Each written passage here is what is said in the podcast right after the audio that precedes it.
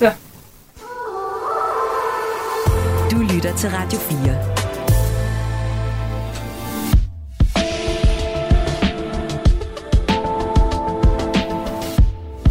Velkommen til Hovedet og Halen. Din vært er Mette Vibe Utzon.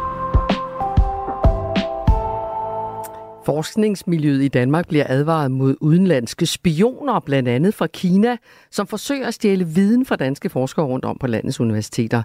Hvorfor er der overhovedet kinesiske studerende på danske læreanstalter, hvis vi ikke kan stole på, at de ikke spionerer for Kina, frivilligt eller ufrivilligt?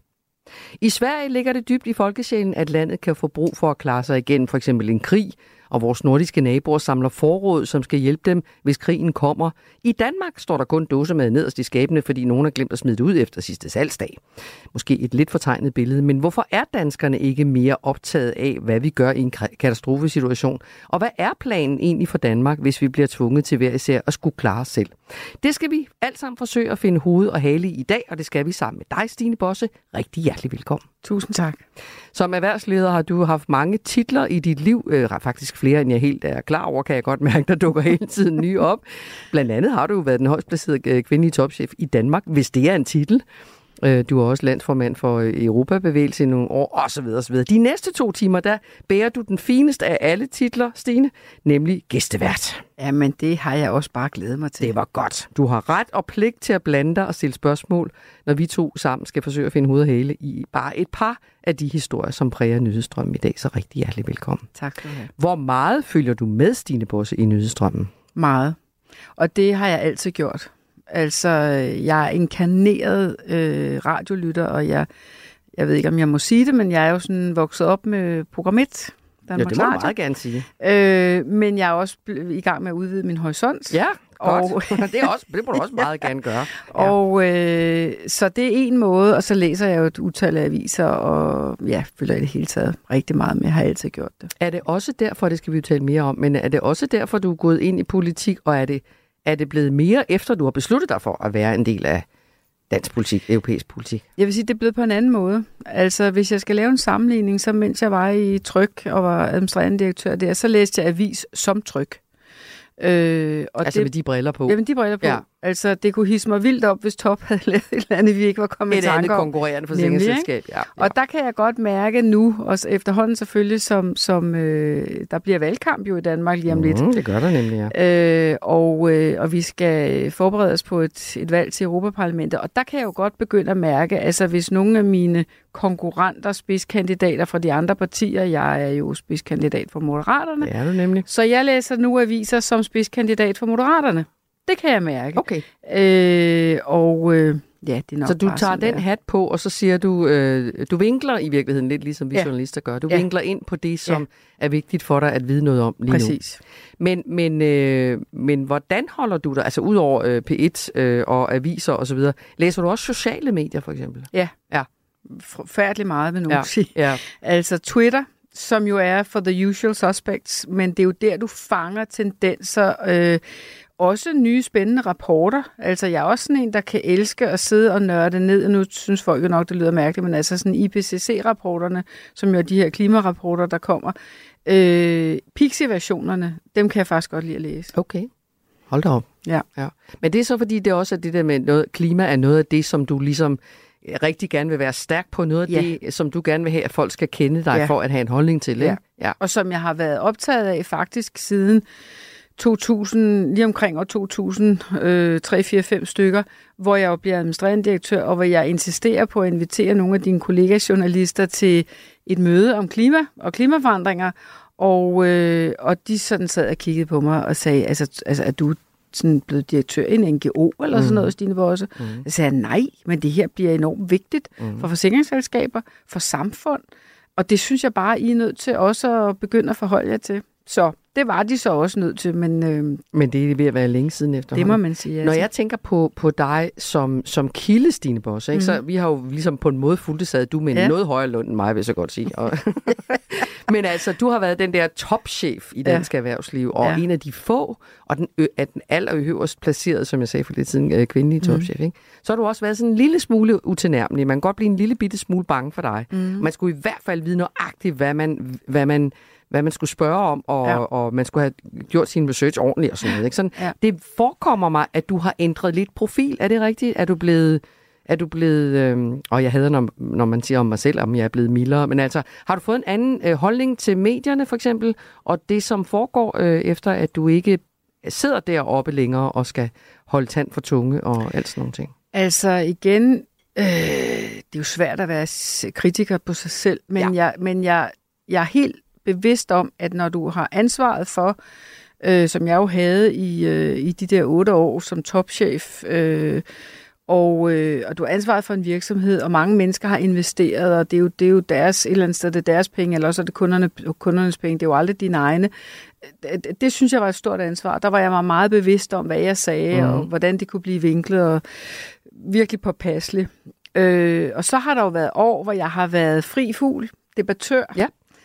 Og der har jeg jo givet den gas. Ja, det har du. øh, Du har på- været op og slås nogle gange, Det må ikke? man sige. Og Også der er sikkert også Det, nogle... der hed Twitter engang. Ja. ja. Mm. Der er sikkert også nogle, nogle ting på X, jeg i dag ville have formuleret anderledes. Det er der ingen tvivl om. Men øh, så, så der havde jeg sådan den der fornemmelse af, men også kunne tillade mig nogle andre ting, teste nogle ting af. Og så kan jeg mærke nu, og det bekommer mig på en eller anden meget interessant psykologisk måde rigtig godt, at jeg er meget optaget af, nu ved jeg jo godt, at der er en ramme, en spillebane, der er også et mål. Jeg skulle meget gerne blive valgt Til Europaparlamentet til for Moderaterne. Europaparlamentet. Mm. Ja. Og det, det er faktisk meget interessant, fordi det gør noget ved mig. Det kan jeg godt mærke. Og det, det har jeg det bare rigtig dejligt med, Mm. faktisk. Og så sidder du her i studiet med øh, en, øh, en, et adgangskort om halsen Ja. til det danske folketing ja. og en fin lille snor. Ja, Er det også godt? Det er rigtig godt. Og, og den lille snor, det er fordi, at jeg, jeg, er sådan, jeg tror, det er sådan frivilligt adgangskort. Det er ikke fordi, moderaternes farve er jo i øvrigt også øh, den her lille Ja. type. Ja. Øhm, ja, det er rigtig godt. Og jeg har for første gang i 12 år, øh, for det er 12 år siden, 13 år siden faktisk, jeg stoppede tryk. Øh, for første gang har jeg fået et kontor uden for mit hjem.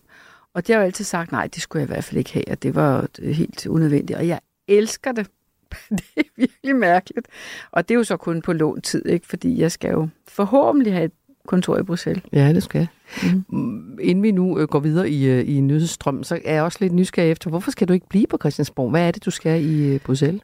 Det må vi godt tale om nu, Det- fordi valgkampen er ikke gået i gang endnu. Nej, og der vil jeg bare sige, at, øh, og det bliver jeg lidt bekræftet i, jeg har dyb respekt for mine kollegaer, som jeg, som jeg har rigtig meget samvær med på Christiansborg. Øh, gode samtaler, øh, øh, virkelig ombyggelige, opbyggelige samtaler. Men jeg kan også godt mærke, at min passion ligger et andet sted. Min passion ligger på de dagsordner, som i dag hører til i fællesskabet, som ikke er uvedkommende, altså på ingen måde, næsten tværtimod, Altså dansk Øh, politik. dansk politik i en eu- europæisk perspektiv, det er det, der er mig. Hvorimod nogle af de ting, som Christiansborg jo dygtigt og ordentligt øh, både tager sig af og skal tage sig af, det, det bliver ikke mig. Det er svært at forklare. Hvad, hvad kunne hvad det for det er. eksempel være? Øh, tag nu for eksempel øh, hele øh, øh, agendaen omkring øh, uddannelse. Mm-hmm. som jeg synes er super, super vigtig. Og jeg har kun respekt for de mennesker, som både kan og vil og gøre øh, en kæmpe forskel for uddannelsessystemet i Danmark. Men det er ikke, det, det er ikke sådan et sted, hvor jeg føler, at, at her er det meget nødvendigt, at jeg gør noget. Nej. Jeg har ikke den der sådan følelse af, af nødvendighed, fordi jeg tænker, at der er så mange andre, der er super dygtige til det. Hvis vi så for eksempel tager geo, den geopolitiske situation og forsvarssituationen her i Danmark, og hvad gør vi med de trusler, der pludselig er ligesom vokset store, der bliver jeg passioneret. Mm-hmm. Og jeg tror og har altid troet på, at der, hvor man bliver passioneret og grebet, der bliver man også dygtigst. Og det tror jeg, man skal være tro imod og ærlig omkring. Og begge dele, uddannelse og forsvar, begge dele er jo super, super relevante. Man skal bare kende sin ramme, mm-hmm. tror jeg. Så, så når du skal ned i EU, som vi jo har for vane at sige, ikke, så er det mm. fordi, der er nogle ting på agendaen dernede, som for dig er vigtigere, eller hvor du kan gøre en større forskel, end ja. Du kan i det danske folketing. Det er sådan. Mm. Nå, men det er dejligt, at du er her i dag, Og øh, du, kære lytter, kan jo også blande dig. Du kan sende en sms til os på 1424, hvis du har en kommentar til nogle af dagens historier, eller Stine Bosse for den sags skyld, dagens øh, gæstevært. Rigtig hjertelig velkommen til Hovedet og Halen. Du lytter til Radio 4. Velliv, pensionsselskabet Velliv har gjort det, Industriens Pension har gjort det, PKA, P+, og Akademiker Pension gør det også. Jeg ved ikke lige, om den ene har gjort det før den anden og sådan nogle ting. Men det, som de her store pensionsselskaber blandt andet har til fælles, det er, at de i den seneste tid har solgt ud af investeringer, som de har haft øh, i israelske virksomheder eller banker, eller placeret i, i israelske virksomheder og banker på såkaldte eksklusionslister. Og det fortæller flere medier om i de her dage. Og det har de gjort, øh, siger de, fordi selskaberne de har investeret i finansierer eller bidrager til ulovlige israelske bosættelser på palæstinensisk territorium og Stine Bosse. Mm. Du er tidligere formand for pensionsselskabernes paraplyorganisation mm. Forsikring og Pension. Der var også endnu en hat til dig.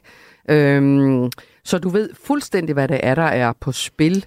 Er du overrasket over, at øh, mange pensionsselskaber har valgt at gøre det netop nu? Øh, egentlig ikke. Men, men de her spørgsmål, det var så nemt i gamle dage. Fordi der havde pensionsselskaberne en opgave, og det var at sørge for størst mulig afkast. Ja, de skulle tjene deres, penge til deres ja, øh, kunder. Mm. Ja.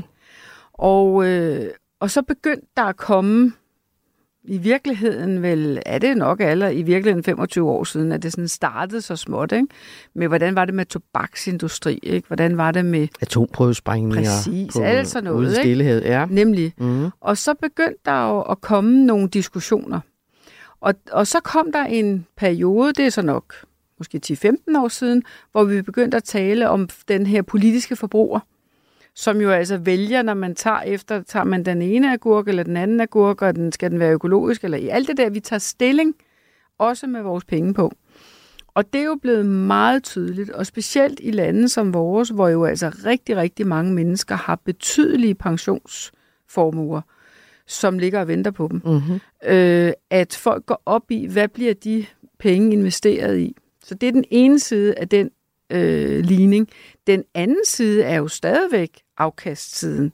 Og der skal man jo også forestille sig, at hvis det pludselig, der er lemming-effekt i sådan noget her, hvis pludselig nogen begynder at trække sig ud af noget, så, øh, så er det en dårlig det jo, forretning? Ja, Aha. så bliver det jo så også en dårlig forretning. Mm-hmm. Og så, så det er ikke kun politik det, i virkeligheden? Nej, det kan nemlig godt gå hen og blive start med noget politik, og så bliver det pludselig noget andet.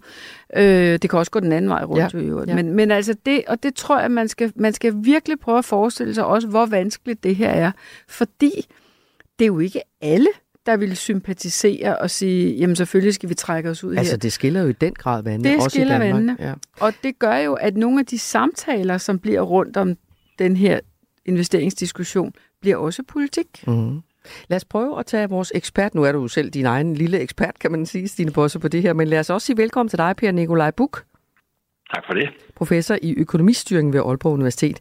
Øh, vi har jo inviteret dig til at være med også, fordi der er nogle, nogle ting, vi gerne vil forsøge at finde hoved og halen i. Fordi hvorfor sælger de israelske virksomheder med tråde i ulovlige øh, bosættelser? Hvorfor bliver de, hvorfor, hvis vi skal gå historisk til jeg starter lige den sted. Vestbreden har jo været besat siden 67. De israelske bosættelser, besættelser, hvad man nu kalder dem, har været betragtet som ulovlige lige siden. Så hvis du skal give os et... Øh, et, øh, et indblik i de her overvejelser, Per Nikolaj Buk. Hvorfor sælger pensionsselskaberne så ud af deres investeringer i Israel netop nu? Jamen, det starter jo egentlig, som Stine Bosse siger, omkring den, den politiske forbruger, som forholder sig til det. Men så de sidste to-fem år, der er der også skiftet over til, at det egentlig er ejerne, der interesserer sig for det her. Også fordi øh, kommersielle børsnoterede virksomheder, men, men selvfølgelig også, når vi har pensionsselskaber, hvor, hvor det er kunderne, der ejer.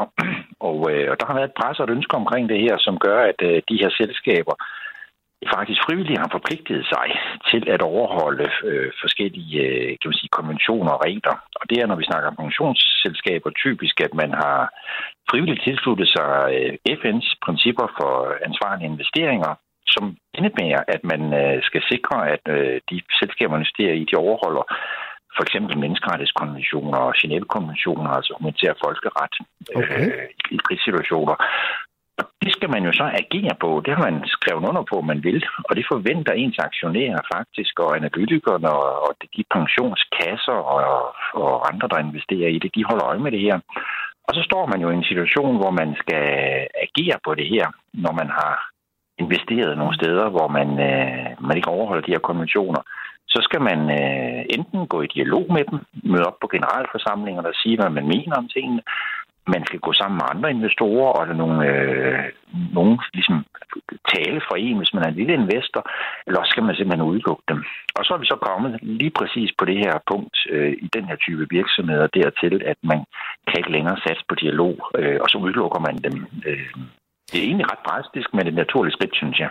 Men, men, det er vel, men det er et naturligt skridt måske, men, men det er vel også, Per Nikolaj Buk, det er vel også, nu bragte du lige den tredje faktor ind, ikke? at der er også et krav til, at man skal, hvad kalder du det, etisk investering, ikke? Så, så, så, men, men har, vil det så sige, indtil nu har det været en etisk investering øh, med bosættelserne, besættelserne, men det er det ikke længere. Altså, så enkelt er det vel ikke, vel? Det må da være svært at vide, hvornår er det det ene, og hvornår er det det andet det, det er, der er en masse dilemmaer, inde, som det her det indebærer, men, øh, men altså de her virksomheder, de har jo øh, typisk forpligtet sig til at, øh, at agere i overensstemmelse med øh, Genève-konventioner og menneskerettighedskonventioner. Øh, og det betyder, at de får en slags kædeansvar ud i deres investeringer, så hvis det er helt åbenlyst, at øh, de har investeringer i nogle banker, som finansierer nogle bosættelser hvor de bosættelser vil overtræde nogle af de her menneskerettighedskonventioner, så er de forpligtet, de har selv forpligtet sig til at agere i det. Og det er jo super komplekst, fordi at øh, menneskerettigheder og Genève-konventioner, det er sådan set staterne, der er forpligtet. Mm-hmm. Men så er det også almindelig øh, opfattelse, at når ikke staterne opfylder deres forpligtelser, jamen så skal de virksomheder, der agerer inden for staternes rammer, de skal faktisk øh, opfylde konventionerne. Også selvom det, de gør, er lovligt efter israelsk lovgivning, så forpligter det stadigvæk de danske pensionskasser til at agere i det her. Og det er det, de gør nu. Men Per, hej for øvrigt. øhm, tænker du ikke, at, øh, at det her jo også hænger sammen med, hvad der er rigtig, rigtig svært i de her, netop som du taler med sådan noget, en art kædeansvar, at der også er kommet en opmærksomhed. Altså, at, at, at der er en lige nu langt, langt øget opmærksomhed på, hvad er det, der foregår lige her. Og så helt naturligt, det vil jeg også gøre, så kommer spørgsmålene ind i investeringskomiteerne øh, øh, og så videre, og så begynder man at ligge og kigge ned i, hvad har vi egentlig, og hvordan ser det her ud. Jeg, jeg tror også, der er noget af, af forklaringen, der er så enkel. Nå, men det er da fuldstændig rigtigt, at øh, det er et wake-up call. Der er kunder, der er journalister, og der er aktieanalytikere og investorer, der ringer ind og spørger, hvad har I egentlig på det her område? Mm. Men jeg tror også, det er nogle overvejelser, der har været i gang under lang tid, hvor ja. man har kigget på det her og været, været i en form for dialog med de her selskaber.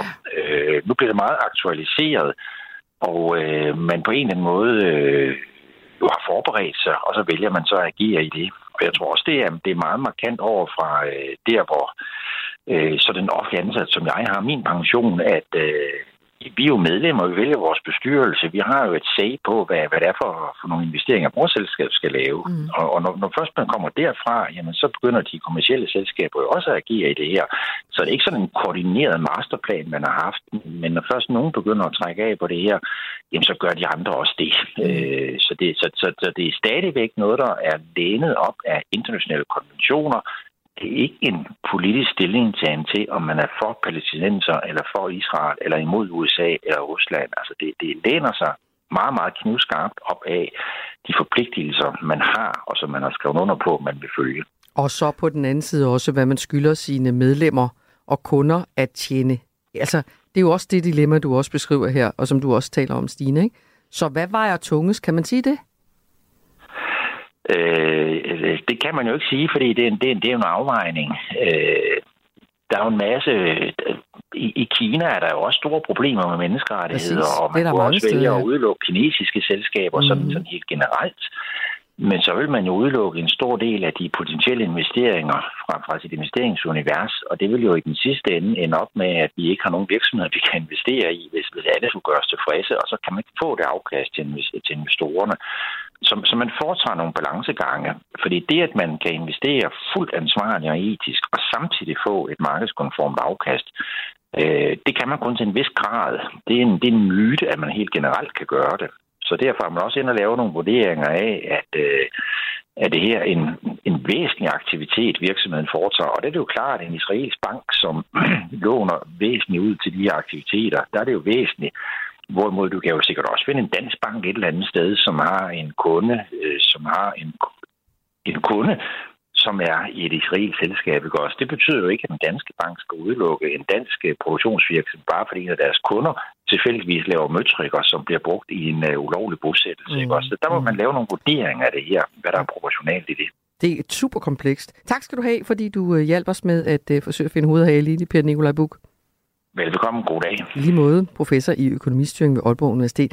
Jeg vil også lige fortælle både dig og lytterne, Stine, at vi har forsøgt at få de her pensionsselskab, Pension Danmark, mm. P+, Velliv og Akademikerpension i tale. Der var ikke nogen af dem, der havde tid til at tale med os, sagde de.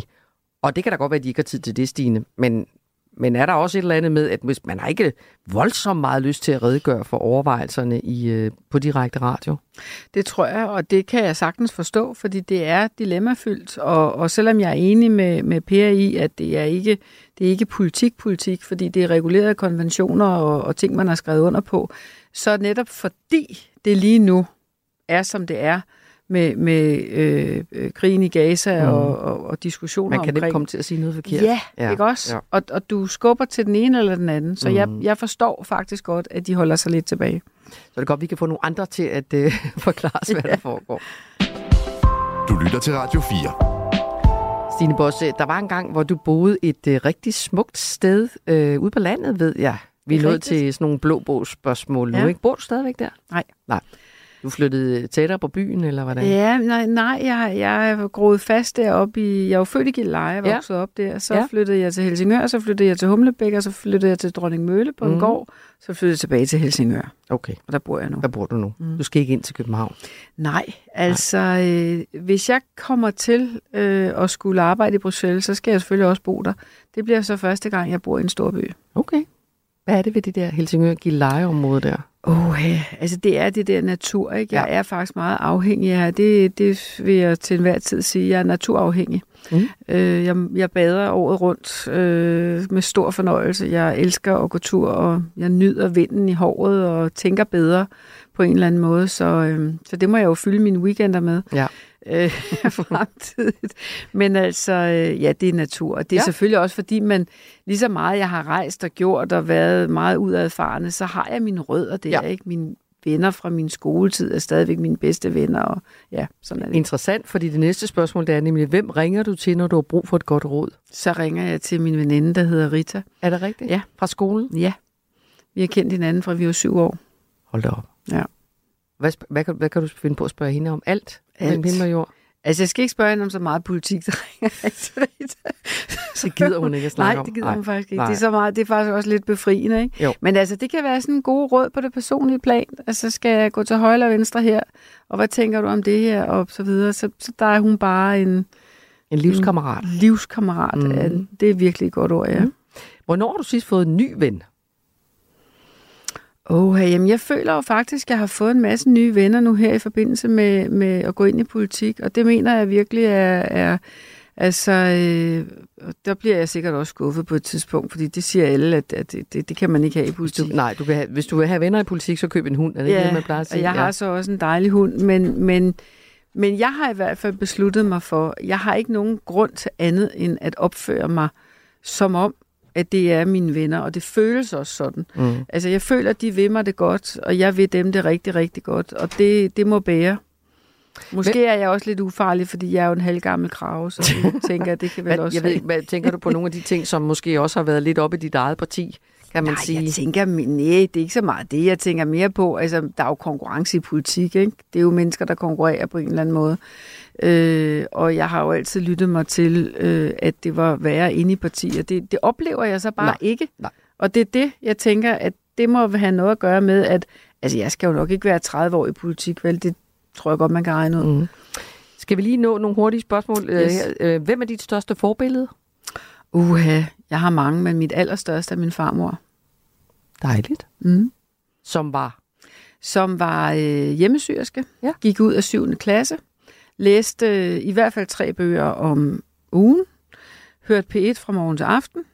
Hun var simpelthen så livsklog og pragtfuld at være sammen med. Øh, så det er sådan number one, og så har jeg selvfølgelig mine, mine forældre, jeg spiller også en rolle der.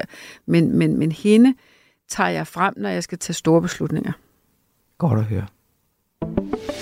Du lytter til Hovedet af Halen på Radio 4. Nu skal vi tale om Kina, øh, eller i hvert fald øh, de kinesere, som bliver sendt til Danmark for at øh, studere.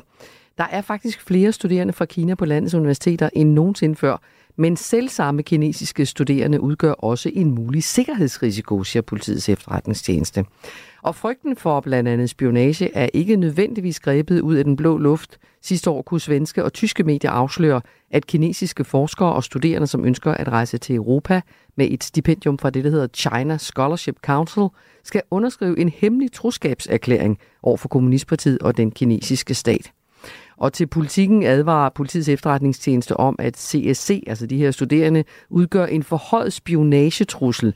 Kinesiske forskere og studerende i Danmark på de her stipendier er ifølge deres kontrakter med de kinesiske myndigheder blandt andet forpligtet til at beskytte moderlandets ære og til at undgå at deltage i aktiviteter, der skader kinesiske interesser og sikkerhed, skriver PET's kontraspionagechef Anders Henriksen al- alvor midt i øh, et studieliv for de her øh, kinesiske øh, studerende, Stine Bosse. Øh, skal vi byde vel- jeg tror, vi byder velkommen til dig med det samme. André Ken Jacobsen, velkommen til. Mange tak. Du skal have dit, du skal lidt tættere på din mikrofon, fordi jeg er sådan meget øh, følsom. Sådan ja. der, ja.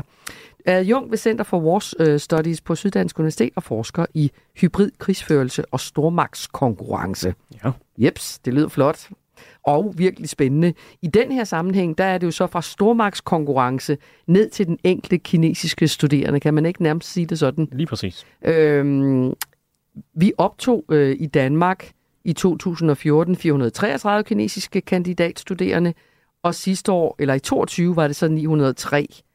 Kæmpe stigning, 100%.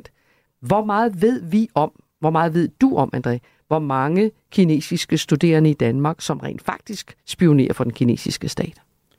Det ved jeg ikke. Men jeg ved, at de alle sammen i en eller anden grad kan underlægges krav om det. Altså, den kinesiske stat, Kommunistpartiet, har øh, lovgivningen på plads. Øh, der blev indført en national efterretningslovgivning i 2017. Artikel 7, der er blevet meget berømt, i hvert fald i visse kredse, fordi at den er ret øh, vidtgående. Sådan han siger, at, øh, at øh, de kinesiske efterretningsmyndigheder kan pålægge dig som individ eller organisationer, eller hvem det nu er, og samarbejde med dem, og du må ikke fortælle om det. Og det har haft vidtrækkende konsekvenser i forhold til, hvordan vestlige efterretningstjenester ser på rigtig mange relationer til Kina. Det er uanset om det er virksomheder, eller det er enkeltpersoner, eller hvad det nu er. Fordi den der lov ligger hele tiden og venter bagud. Hvad er repræsalierne, hvis man ikke overholder det her, nær sagt, som kinesisk studerende for eksempel i Danmark? Ja, altså som kinesisk studerende, hvis man nu for eksempel er på det her stipendium, så er der jo, øh, så er der jo skrevet ind i kontrakten, øh, at så kan du blive sendt hjem. Øh, og så får du ikke for eksempel dit phd stipendium eller du får ikke din phd grad for du færdiggør ikke dit studium. Du skal betale de penge tilbage, som det har kostet at være her, og der er to mennesker i Kina, måske dine forældre, som har kautioneret for dig. Øh, og det vil sige, så ryger der penge fra dem, øh, og der kommer også en form for bøde oveni. Så det kan have enorme konsekvenser. Meget store konsekvenser. Ja. Stine Bosse, skal vi så helt lade være med, synes du, i virkeligheden at invitere kinesiske studerende til danske universiteter? Altså, jeg synes først, jeg har brug for at sige, at jeg har virkelig tung med det der med at udgrænse. Altså, hvis man nu er kinesisk Præcis. studerende her i Danmark, Ja. så skal man lade være med at gå rundt nu øh, langs muren med hætten nedover. Det er stigmatiserende. Ja, ja, der er noget stigma i det, ja. jeg ikke bryder mig om. Ja.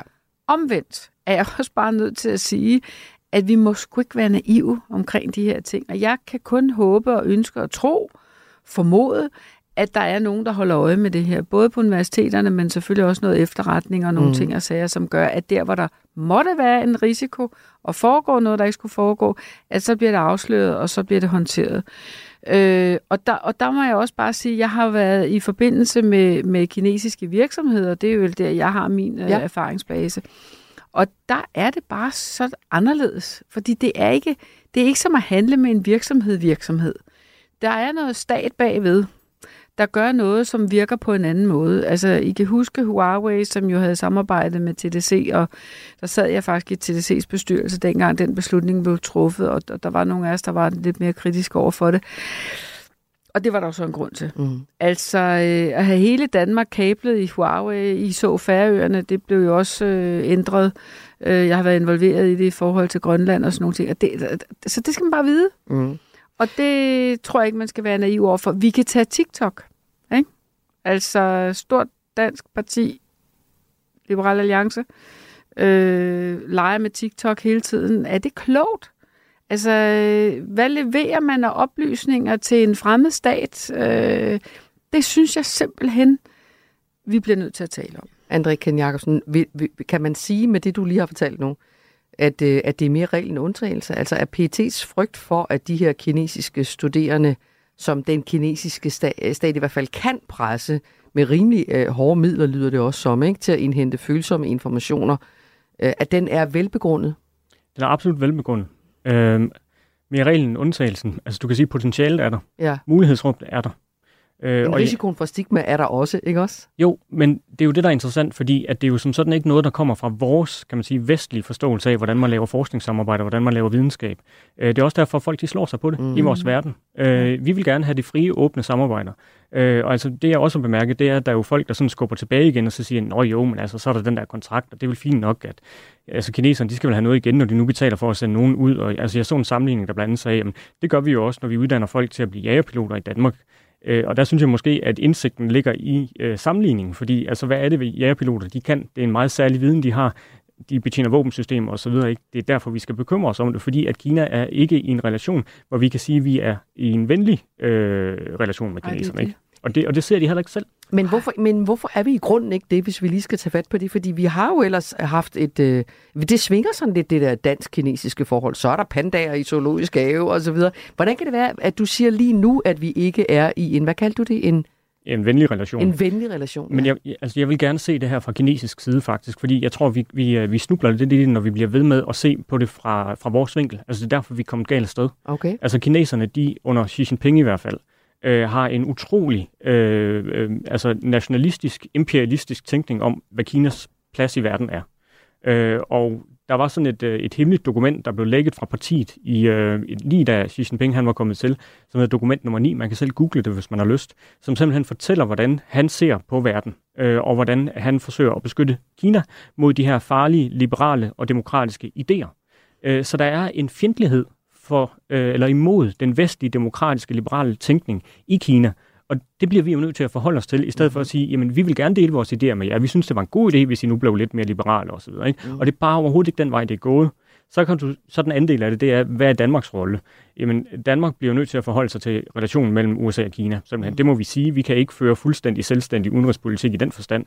Øh, kineserne, hvis de bliver meget, meget sure på os, så har vi et problem. Men hvis vi fører i hvert fald en form for fælles udenrigspolitik øh, på nogle af de der sådan mere kritiske punkter, jamen så kan vi jo føle os mere sikre. Og det gælder også for det her China Scholarship Council, hvor der er andre lande, der også har sagt, at vi holder simpelthen op med at optage studerende med øh, det her stipendium. Hvorfor? Ja, fordi at det simpelthen ikke rimer med forskningsfrihed. Mm-hmm. Du vil sige noget, Stig? Ja, men egentlig, man kan jo egentlig hoppe tilbage til spørgsmålet, skal der være kinesiske studerende? Ikke fordi vi ikke kan lide den enkelte, men fordi der er risikoen for spionage er for stor. Altså, det vil jeg næsten afholde mig fra at mene noget om. Det tror jeg, man skal, øh, tror jeg, man skal tænke længe over. Men, men jeg synes også, man skal være så, øh, den risiko meget, meget bevidst. Og hvis det endte med at sige, hvis vi skal have kinesiske studerende, skal det være på de og de vilkår, så vil det ikke gøre mig noget. Så vil jeg måske synes, det var ret klogt. Men jeg vil godt sige, at relationen til Kina er jo interessant. Fordi øh, Europa, eller den europæiske union, øh, ser jo sig selv som et eller andet sted mellem øh, USA og Kina, og varetager jo interesser i begge relationer. Øh, men vi er jo også en del af et NATO-samarbejde. Mm-hmm. Vi har også en situation i øh, det sydkinesiske hav med Taiwan og, og USA og Kina, som jo altså ved Gud har en eksplosiv øh, kant også. Så vi kan jo ikke jeg synes i hvert fald ikke, vi kan bilde os selv ind, at vi kan være helt lige så gode venner med Kina, som vi kan med øh, USA. Nu kan man altid diskutere USA og Trump øh, i, i, i lange baner, men, men, men det er måske også derfor, jeg ser en enorm værdi og et enormt behov for, at vi arbejder sammen på de udenrigspolitiske dagsordner i Europa. Mm-hmm. Fordi vi har intet at, at gøre, når vi er bitte små lande, og der er alle lande i Europa for små. Men når vi holder sammen, kan vi gøre noget og mene noget og finde den rigtige balance i de her relationer. Kender André Jacobsen? Ja, altså nu siger nu, øh, nu, nu, nu nævner du Taiwan, ikke? Øh, og, og det er netop også det, der er en del af øh, problemstillingen her, fordi hvorfor er det, vi skal være bekymrede omkring øh, industrispionage for eksempel? Men det er jo fordi, at kineserne har øh, en helt øh, åben øh, hvad hedder sådan noget, øh, strategi om øh, det, der, det, de kalder military civil fusion. Og det handler simpelthen om, at den form for innovation og viden, som man kan udvikle, skal bruges, altså der skal være et dual use element i det, så man kan bruge det militært til at udvikle øh, det kinesiske militær. Øh, så når det er, at vi samarbejder med kineserne på nogle områder, som kan bruges på den måde, så kan det ultimativt set øh, ende med at være øh, teknologi, der bliver brugt imod os eller vores allierede i en, øh, i en konfrontation med kineserne. Eller at det er teknologi, som kineserne sælger til russerne, sælger til nordkoreanerne, eller giver væk til, til andre af vores øh, potentielle fjender. Ja, og samtidig har vi jo, en, det skal vi bare huske, en kæmpe økonomisk interesse i at bibeholde en verdensorden, hvor vi handler med hinanden. Altså, der ligger, jo, der ligger jo både vækst og grøn omstilling og alt muligt andet øh, bagt ind i den model. Og som... officielt er vi jo ikke uvenner, Nej. som du siger, Ken Nej, men, men igen vil jeg bare advare imod naiviteten, fordi den har vi haft for mm. længe. Både på virksomhedsplan og sikkert også politisk. Man kan vel også sige, at PET i sidste uge stod vi her i hovedhalen og forsøgte at finde hoved og hale i det der med, at PET nu opfordrer forskerne til at være forsigtige med selv at, øh, at hvad skal man sige, sløse med sikkerheden. Ikke? Mm. Øh, de forsøgte at bruge, bruge humor i den der med. Pas nu på, at der ikke kommer nogen og kigger over skulderen. Jeg kan ikke huske, hvad det var for nogle sætninger. De har ikke gjort voldsomt indtryk. Men man kan vel også sige, at det er vel en måde at invitere kinesiske studerende med et å hængende om halsen øh, fra den kinesiske stat indenfor, og samtidig passe på dansk, dansk viden, ikke? Jo, det er det. Øhm, og det. Og det er bare ligesom et dilemma, som vi ikke rigtig kan slippe udenom, når det nu er, at de kommer med den her slags kontrakter, for eksempel. Det er også derfor, jeg synes, det er en rigtig god idé, at man fra universitetets side har sagt, at jamen, så tager vi ikke flere øh, ind, der er på den her kontrakt. Mm. Fordi vi kan simpelthen ikke acceptere, at det er sådan en del af de vilkår, de mm. kommer med. Altså, mm. det er jo også synd for dem. Øh, der er jo ikke nødvendigvis noget, der siger, at den enkelte kineser har lyst til at støtte kommunistpartiet i mm. det forhævne med spionage, eller hvad det nu kan være. Men når de har en kontrakt, der siger, at det skal du, hvis vi beder dig om det, så er det svært at undslå sig. Mm. Tak skal du have, fordi du kom. Selv tak. André øh, Ken Jacobsen, som er adjunkt ved Center for War Studies på Syddansk Universitet, og som forsker i hybrid, krigsførelse og stridigheder mellem stormagter, og nu også kinesiske studerende i Danmark. Tak fordi du kom ind. Ladies and gentlemen, welcome aboard this Northwest Orient Airlines Flight 305 with services from Portland to Seattle. En mystisk passager rækker en stewardesse en håndskreven seddel. Ja, meget. Miss, you'd better look at that note. I have a bomb. Det handler om D.B. Cooper. Manden, der plyndrer et fly, Han vil have 200.000 dollars i kontanter. hopper ud af det med faldskærm på og øh, forsvinder sporløst. Lyt med, når Krimiland genåbner sagen om den mystiske flykabrer DB Cooper i Radio 4's app, eller der, hvor du lytter til podcast. Det er den eneste uopklarede flykabring i FBI's historie. Radio 4. Ikke så forudsigeligt.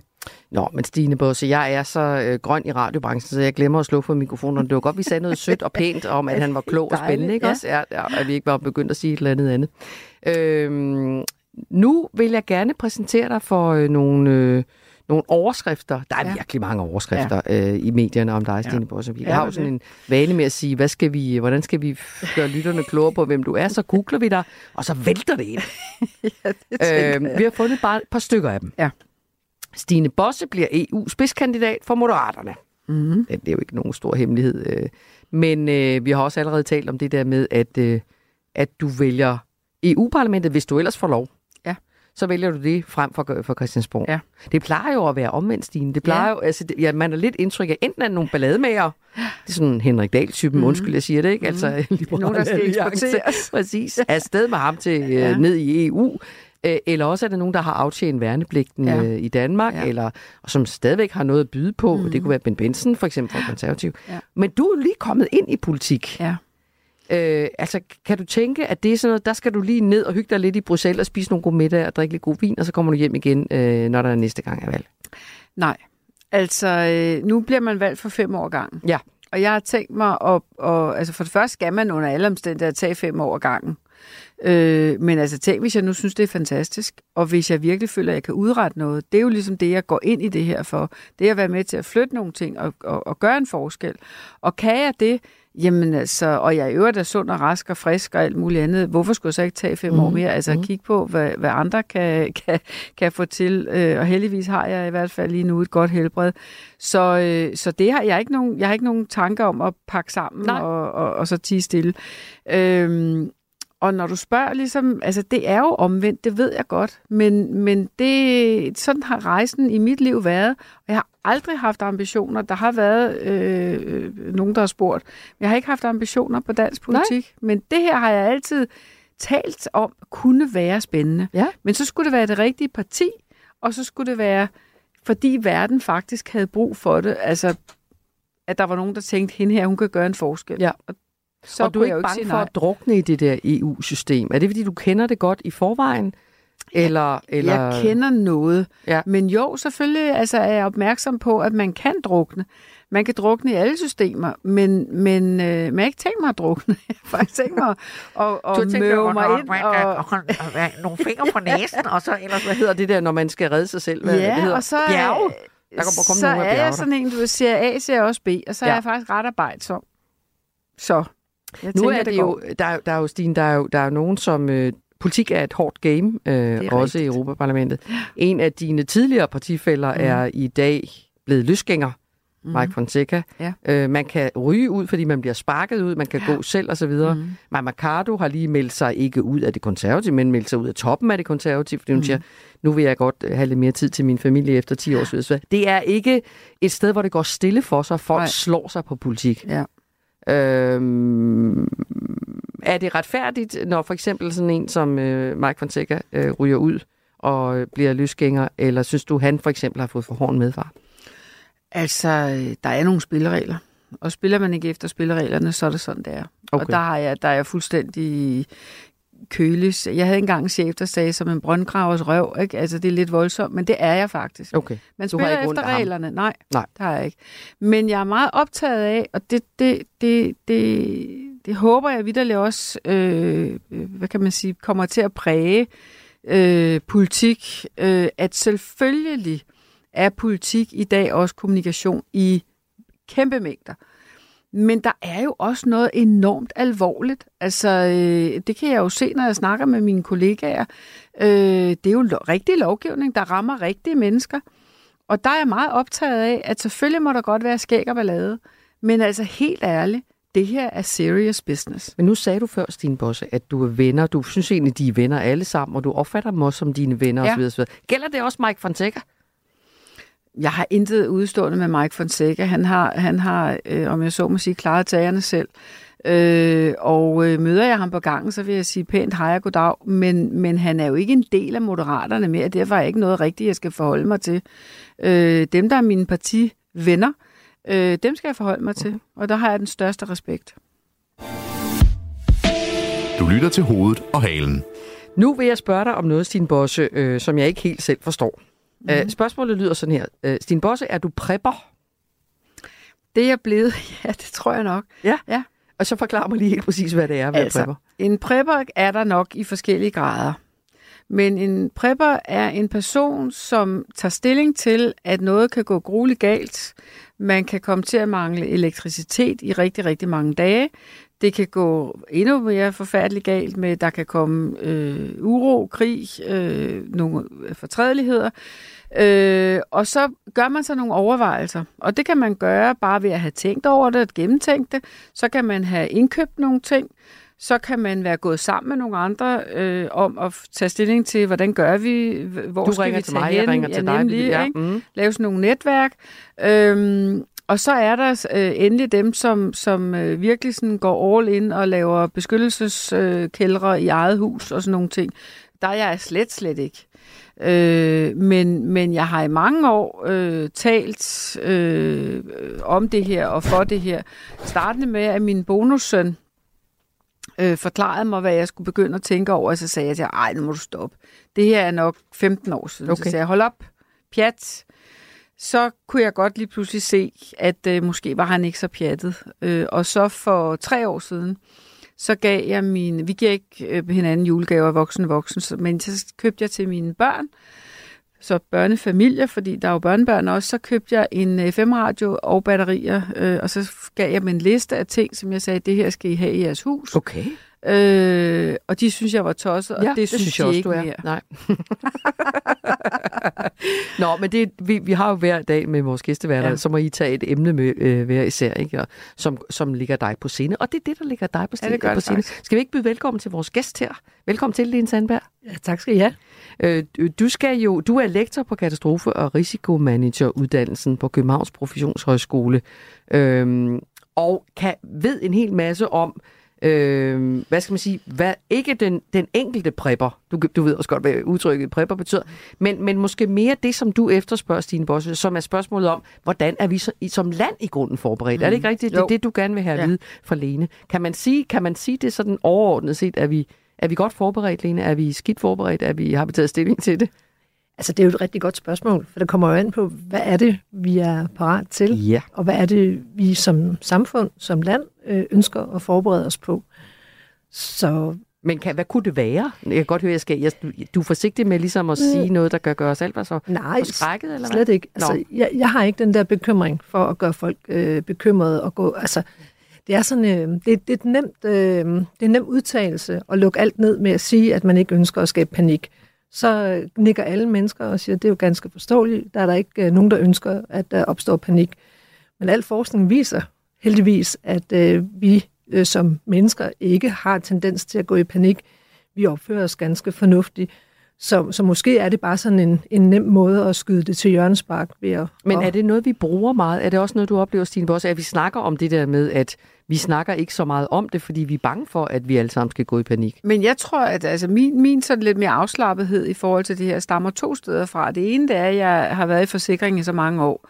Og der taler man om ja, risiko, og okay. man taler Ja. om, hvordan man, Du er man vaccineret. ja, forebygger forskellige risici. Så der er jeg sådan vaccineret med den samtale.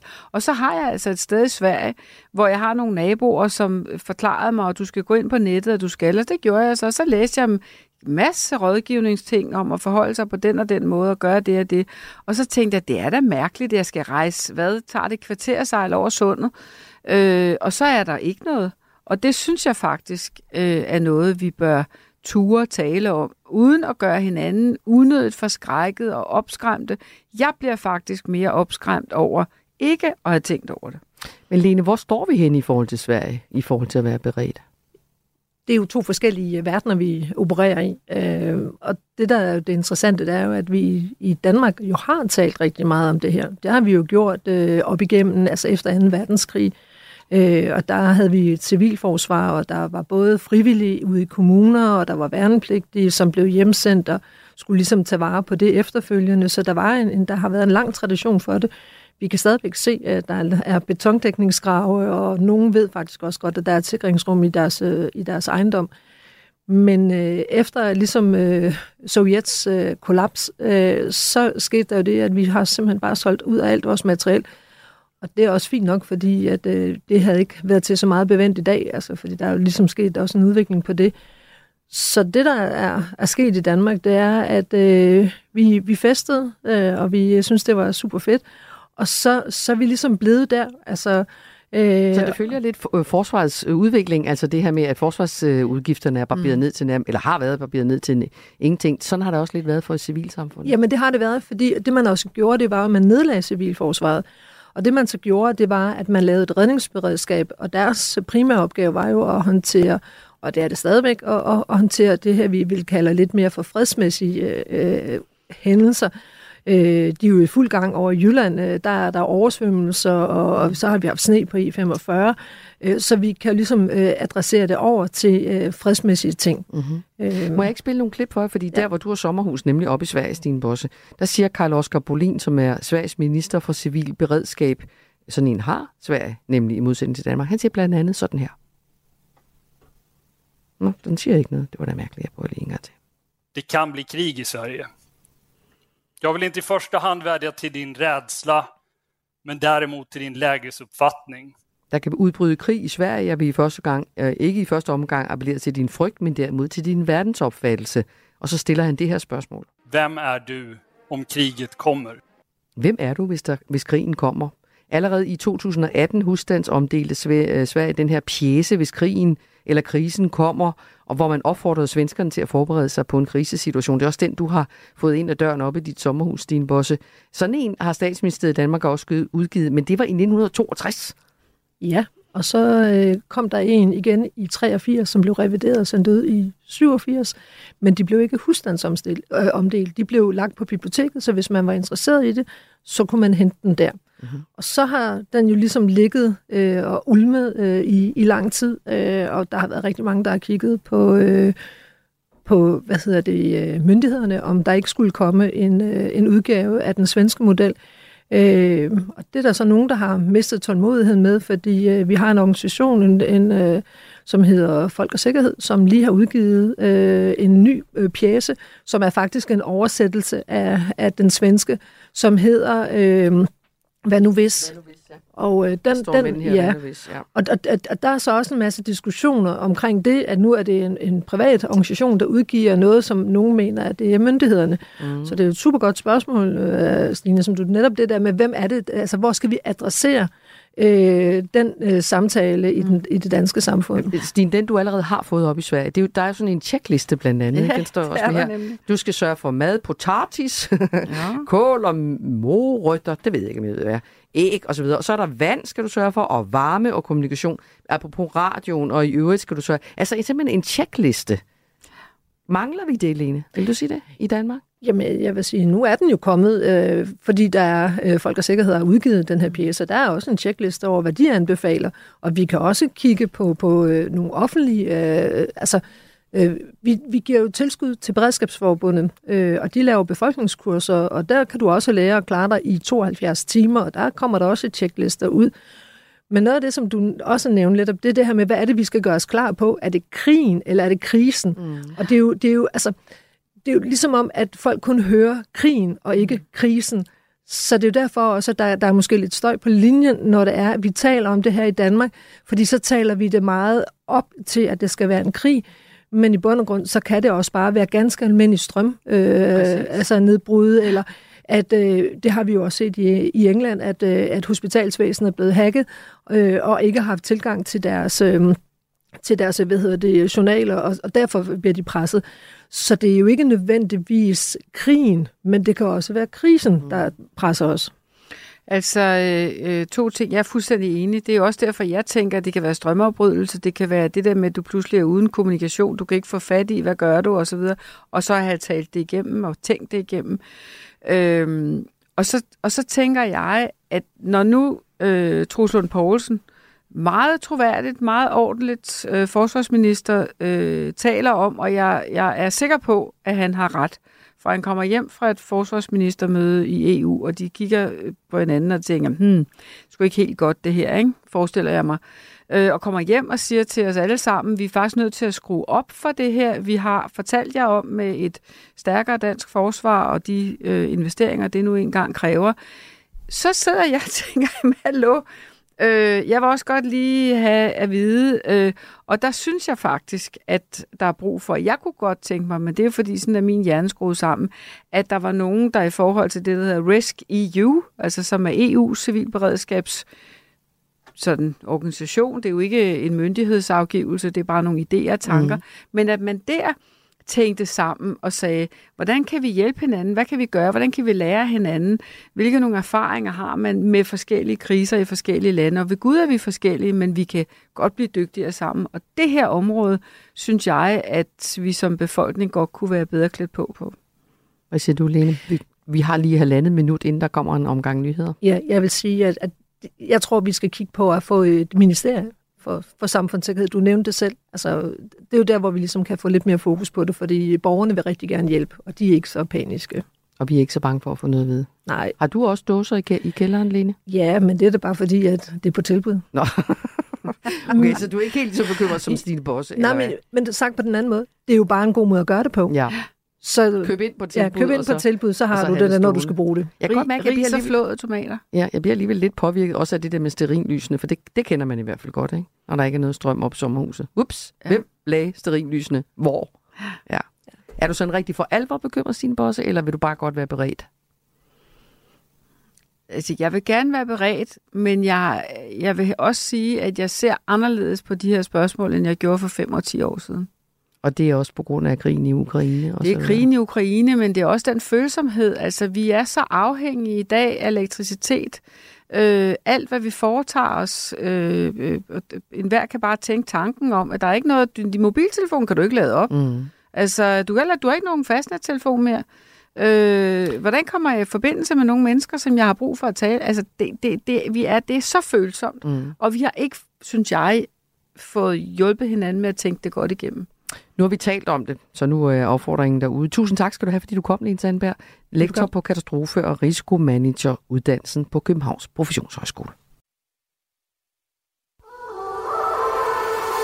Du lytter til Radio 4.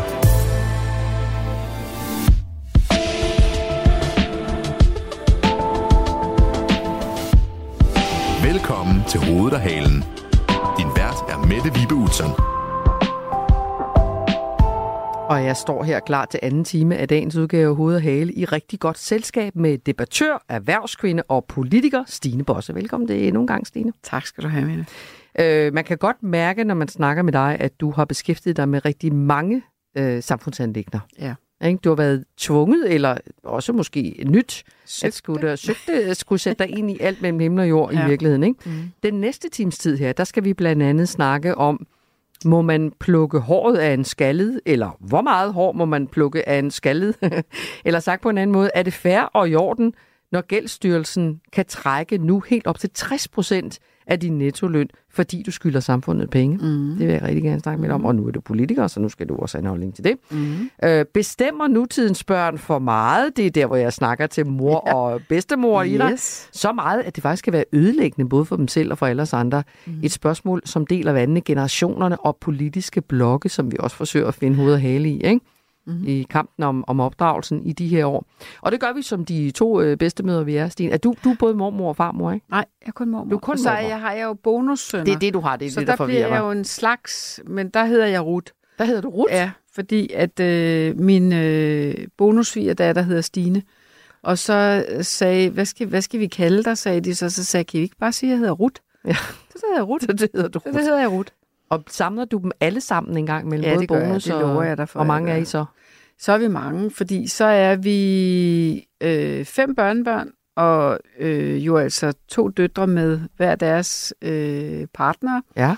Og så er vi min ene bonussøn, og så er vi min anden bonussøn og hans kone, og deres tre børn, hvor det ene barn er et bonus-bonus-barnebarn, vidunderlig dreng. ja. Og så faktisk også mine bonussønners mor. Wow. Der er fuld, er fuld tryk på ja. børne og bonus ja. og alt muligt andet. Yes. Stine Bosse, vi plejer jo altid at indlede den her anden time med at spørge, hvad er, vi, vi dykker ned i nyhedsstrømmen, vi finder nogle historier, vi bliver klogere på dem, finder hoved og hale. Hvad er nyheden i dit liv i den jamen, her tid? Jamen, nyheden er jo stadigvæk for mig så overvældende, at, at jeg øh, efter flere gange at blive inviteret, det siger jeg pænt tak for, så nu i sommer sagde ja til at gå ind i politik for alvor. Øh, det er virkelig stort for mig, og det, som nok er kommet virkelig bag på mig, det er, at jeg er så glad. Altså, øh, det havde virkelig forsvoret. Min datter så det. For jeg ringer selvfølgelig til hende, da jeg begyndte at blive tiltrukket af tanken. Så jeg, jeg må tale med et fornuftigt menneske. Ja, og før jeg ringede til Rita, ja, ringede jeg til min datter. skolekammerat. Ja. Nemlig, fordi jeg tænkte, det handler jo også om dem. Ja. Og det handler om, at jeg øh, skal være væk øh, mere. Og, og sådan kommer i søgelys på en anden yes, måde. Yes, og måske, hænger ja. i lygtepælen og sådan mm. noget. Der er jeg stadigvæk lige lidt... Øh, altså som plakat. Ja, det håber jeg meget, at det bliver øh, den form. Ja. så, øh, så jeg ringer til min ældste datter, så siger Sille, altså prøv at høre, der er sket noget meget mærkeligt her i sommer. Øh, prøv lige at høre til her. Jeg havde ikke talt færdigt, før hun gættede det. Og så siger hun bare, prøv høre mor, det skal du, for der er noget, du ikke har gjort færdigt. Og det er det, der sidder tilbage hos mig. Altså, jeg kunne godt mærke faktisk, øh, at der var noget uforløst. Det var jeg jo ikke selv klar over. Det er sådan, livet er, man forstår det jo helt baglæns. Mm. Ikke? Øh, der var simpelthen noget, jeg ikke havde gjort færdigt. Og den der følelse, det er jo ikke sikkert, at jeg bliver valgt. Det er jo at stille sig til rådighed og sige, Ja. her er jeg, det her det er det, jeg gerne vil arbejde for, og så øh, øh, giv mig din stemme, hvis du tror på mig. Hvad var det? Og Men når du siger, der var noget, du ikke var, havde gjort færdigt, altså din karriere, din erhvervskarriere har jo været overbevisende. Ja. Du har været den øverst placerede erhvervskvinde yes. i. Danmark, og så videre, så videre, så videre, og du er stadigvæk en del af rigtig mange bestyrelser og så videre. Så, så det kan jo ikke være din erhvervsdel af det. Nej. Så hvad var det så, der ikke var gjort færdigt? Altså fra jeg var 15 år, og det, det, det, det kommer jo hele tiden øh, op som noget ret kuriøst. Der var jeg faktisk øh, formand for DSU og startede DSU op, Mhm. mm-hmm. altså Danmarks Socialdemokratiske Ungdom i Gilleleje. Ja, hvor du voksede op. Yes. Mhm. Mm. Jeg blev aldrig socialdemokrat. Det gjorde Kirsten Jensen. Ja. Så hun kom jo så også i øvrigt til Bruxelles, øh, og en stor hilsen til dig, Kirsten, hvis du hører det her, for det er jo ret sjovt, og vi har jo mødtes en gang imellem os i voksenlivet. Ikke? Men jeg blev ikke socialdemokrat, for jeg, det kunne jeg ikke. Jeg var, jeg var ikke socialdemokrat, viste det sig. Mhm. Øhm, og, øh, og så har det bare altid været i mig. Jeg har altid, når vi har været sammen, altså da jeg kommer ind i min, i min altså ham, der er far til mine børn, hans familie, øh, så synes jeg, det var så mærkeligt, at de kun taler om mad og om vejret. Og, og hos mig har vi altid talt om politik, ikke? Altså ikke alle ved frokostbordet, nogen gad ikke høre om det, men, men jeg, jeg gad, og mine forældre gad, og andre, ikke? Mm-hmm. Og så det har altid fyldt hos mig. Så på den måde har det nok boet i mig. Og, øh, og forleden dag, da jeg skulle skrive fødselsdagshilsen der til min eksmand, som jo også kender mig fra, vi var 19 år, ikke? så skrev jeg til ham, for han siger, befinder du dig egentlig godt? Og så siger jeg, ja, ved du hvad, det er u- altså, ubetinget godt. Og det mærkelige ved det er, at jeg har måske taget tilløb, siden jeg var 15. Ja, fordi skulle du så have gjort det for længe siden måske, det der med at melde dig ind i politik for alvor? Det kan jeg godt spørge mig selv om. Ja. Men når jeg spørger mig selv, nogle, nogle oste skal jo modne, eller vine skal vi måske sige, Ja, ikke? ja. skal modne længere end andre. Og jeg, jeg er ikke sikker på, at jeg vil have, have nyt det på samme måde. Jeg tror også, der er det der med, jeg er 63, og jeg er rimelig fri på de måder, man nu har brug for at være fri på. Øh, jeg vil rigtig gerne det her, og jeg står op hver morgen med en arbejdsiver og en interesse. Øh, men jeg er jo heller ikke der, hvor min verden falder sammen, hvis det her ikke lykkes. Hvis du ikke kommer i Og måske Europaparlamentet. er det den, ja. Mhm. Og måske er det den der fornemmelse af tryghed. Jeg er jo tryghedsnarkoman, så et eller andet sted, jeg, jeg risikerer noget, jeg stiller mig frem, jeg stiller mig til rådighed, hvilket jeg føler en kæmpe forpligtelse til, som vi talte om tidligere. Ja. Og så alligevel har jeg en tryghed i, i mine unger og, og mit liv. Du ved godt, hvad du skal, hvis du ikke kommer i Ja. Europaparlamentet. Ja. Der er en anden ting, øh, Stine, vi skal også snakke om nyhederne her i dag, men der var en anden ting, jeg tænkte over, som jeg godt kan nogle gange kan tænke, hvordan vidste du, at det var moderaterne? Fordi du var så ikke socialdemokrat, men du er erhvervsliv, og det plejer sådan at blive lidt mere blåt måske, ikke? Nu ved jeg godt, øh, moderaterne er blå, lilla, eller hvad de nu er. Hvordan fandt du ud af, hvor du skulle være i det der politiske liv så? Fordi jeg er blålilla. Okay.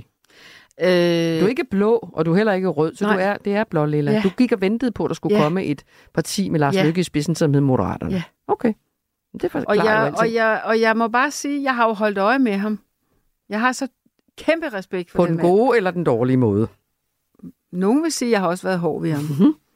Det kan man sikkert også finde skriverier om. Ikke? Og ja. Og ja. Øh, og så har jeg flyttet mig. Altså, vi har begge to flyttet os. Og jeg har holdt øje med moderaterne, for jeg var ikke sådan helt tilfreds der, hvor jeg var. Det har jeg vel heller ikke lagt skjul på, hvor det var. Nej, det ved jeg faktisk ikke. Hvor var det? Nej, jeg var radikal. Du var radikal. Mm. Øh, og det var jeg ikke tilfreds med. Og så øh, har jeg på en eller anden måde de senere år, eller nej, det har jeg de sidste mange, mange år, jo været medlem af parti. Og, og jeg føler, der er et eller andet sted noget vigtigt i det.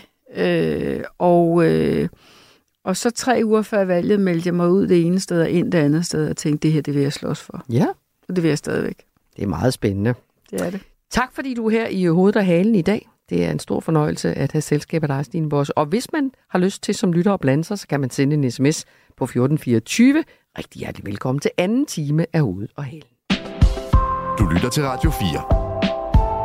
Nu bliver det alvor, for nu skal vi tale om 23-årige Hanne Witt, som blev stukket ihjel i sin lejlighed i Fensmarksgade på Nørrebro for 34 år siden, nytårsnat 1990.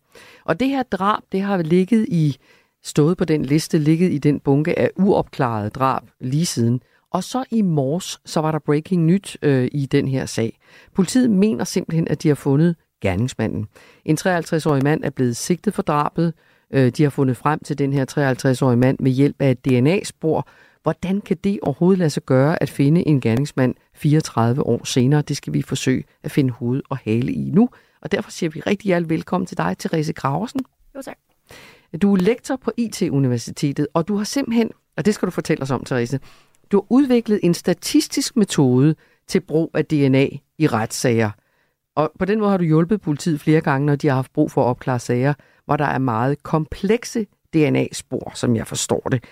Hvordan har politiet fundet frem til den her formodede gerningsmand i den her sag? Ja, lige for, altså mit arbejde, det har mestendels øh, ligget over i England faktisk. Okay. Så det har faktisk mest været det engelske politi, jeg har, Ja. jeg har hjulpet her. Mm. Øhm, ja, hvordan har de fundet frem til den? Altså nu, nu, nu ved jeg kun, hvad der er blevet sagt i dag Ja. på de forskellige pressemøder. Øhm, og det, der er specielt, kan man sige, i den her sag, det er, at man har jo i lang tid så stået med et, et DNA-spor, en, en profil, som man simpelthen bare ikke har haft en person at sammenligne det op mod. Så man har fundet noget på, jeg tror det er noget af hendes tøj, den dræbtes Bukser, tøj, bukser, ja. ja. et DNA-spor. Det kan være blod, det kan være sæd, det kan være en eller anden form for menneskelig Ja, afsondringssekret, ja. Men man har ikke vidst, vidst hvem det tilhørte. Ja, mm. og så i princippet, hvis du bare kendte alle folks DNA, så er det jo bare at gå, gå ud og finde den person, det Ja, matcher. ja. Øhm, så her har problemet jo været at finde en person. Og det, som jeg kan forstå, man har gjort her, det er, at man siger, jamen nu har vi fundet ikke et en-til-en match med en, en konkret person, men vi har fundet nogen, der er i familie med personen. Og det kan man se på de der DNA-striber. Jeg ved Ja. hvordan de så ud. Ikke? Det er sådan nogle, det ligner sådan en stregkode næsten, vores allesammens DNA-kode. Ikke? Jo, altså så, så man kan sige, man går ind og kigger på din, din hele dit streng af DNA, så kigger du på en cirka 20 forskellige steder i DNA'et, og så, så kommer der et signal, hvis den her sekvens er til stede. Og hvis, hvis den er til stede både i, i gerningsmandens profil, eller anklagets profil, og, og i sporet fra, fra gerningsstedet, jamen, så har du sådan set et, et direkte match. Og så hvis du, før du nu har fundet den her person at sammenligne med, så kan du måske gå ud og sige, jamen, jeg har nogle personer, der ligner den her profil ret meget. Mhm. Øh, en eller anden familiemedlem. Ikke? Der vil være en vis mængde af DNA'et, der er, der er det samme. Og så kan man så øh, gå ind og belyse, hvordan de her familieforhold er. Og så kan man jo gennemtrawle deres familiære netværk. Ikke? Så har du indesnævret en eller anden form for, for en eftersøgning til en lidt, lidt mindre mængde end sådan hele befolkning. Jeg tror, vi skal have rettet på din mikrofon. Nu kommer Andrea lige ind. An- Den mm, ofte omtalte Andrea kommer nu ind i studiet her i min redaktion. Ja, sådan der. Nu sidder du lidt tættere. Mikrofonerne er meget, meget følsomme herinde.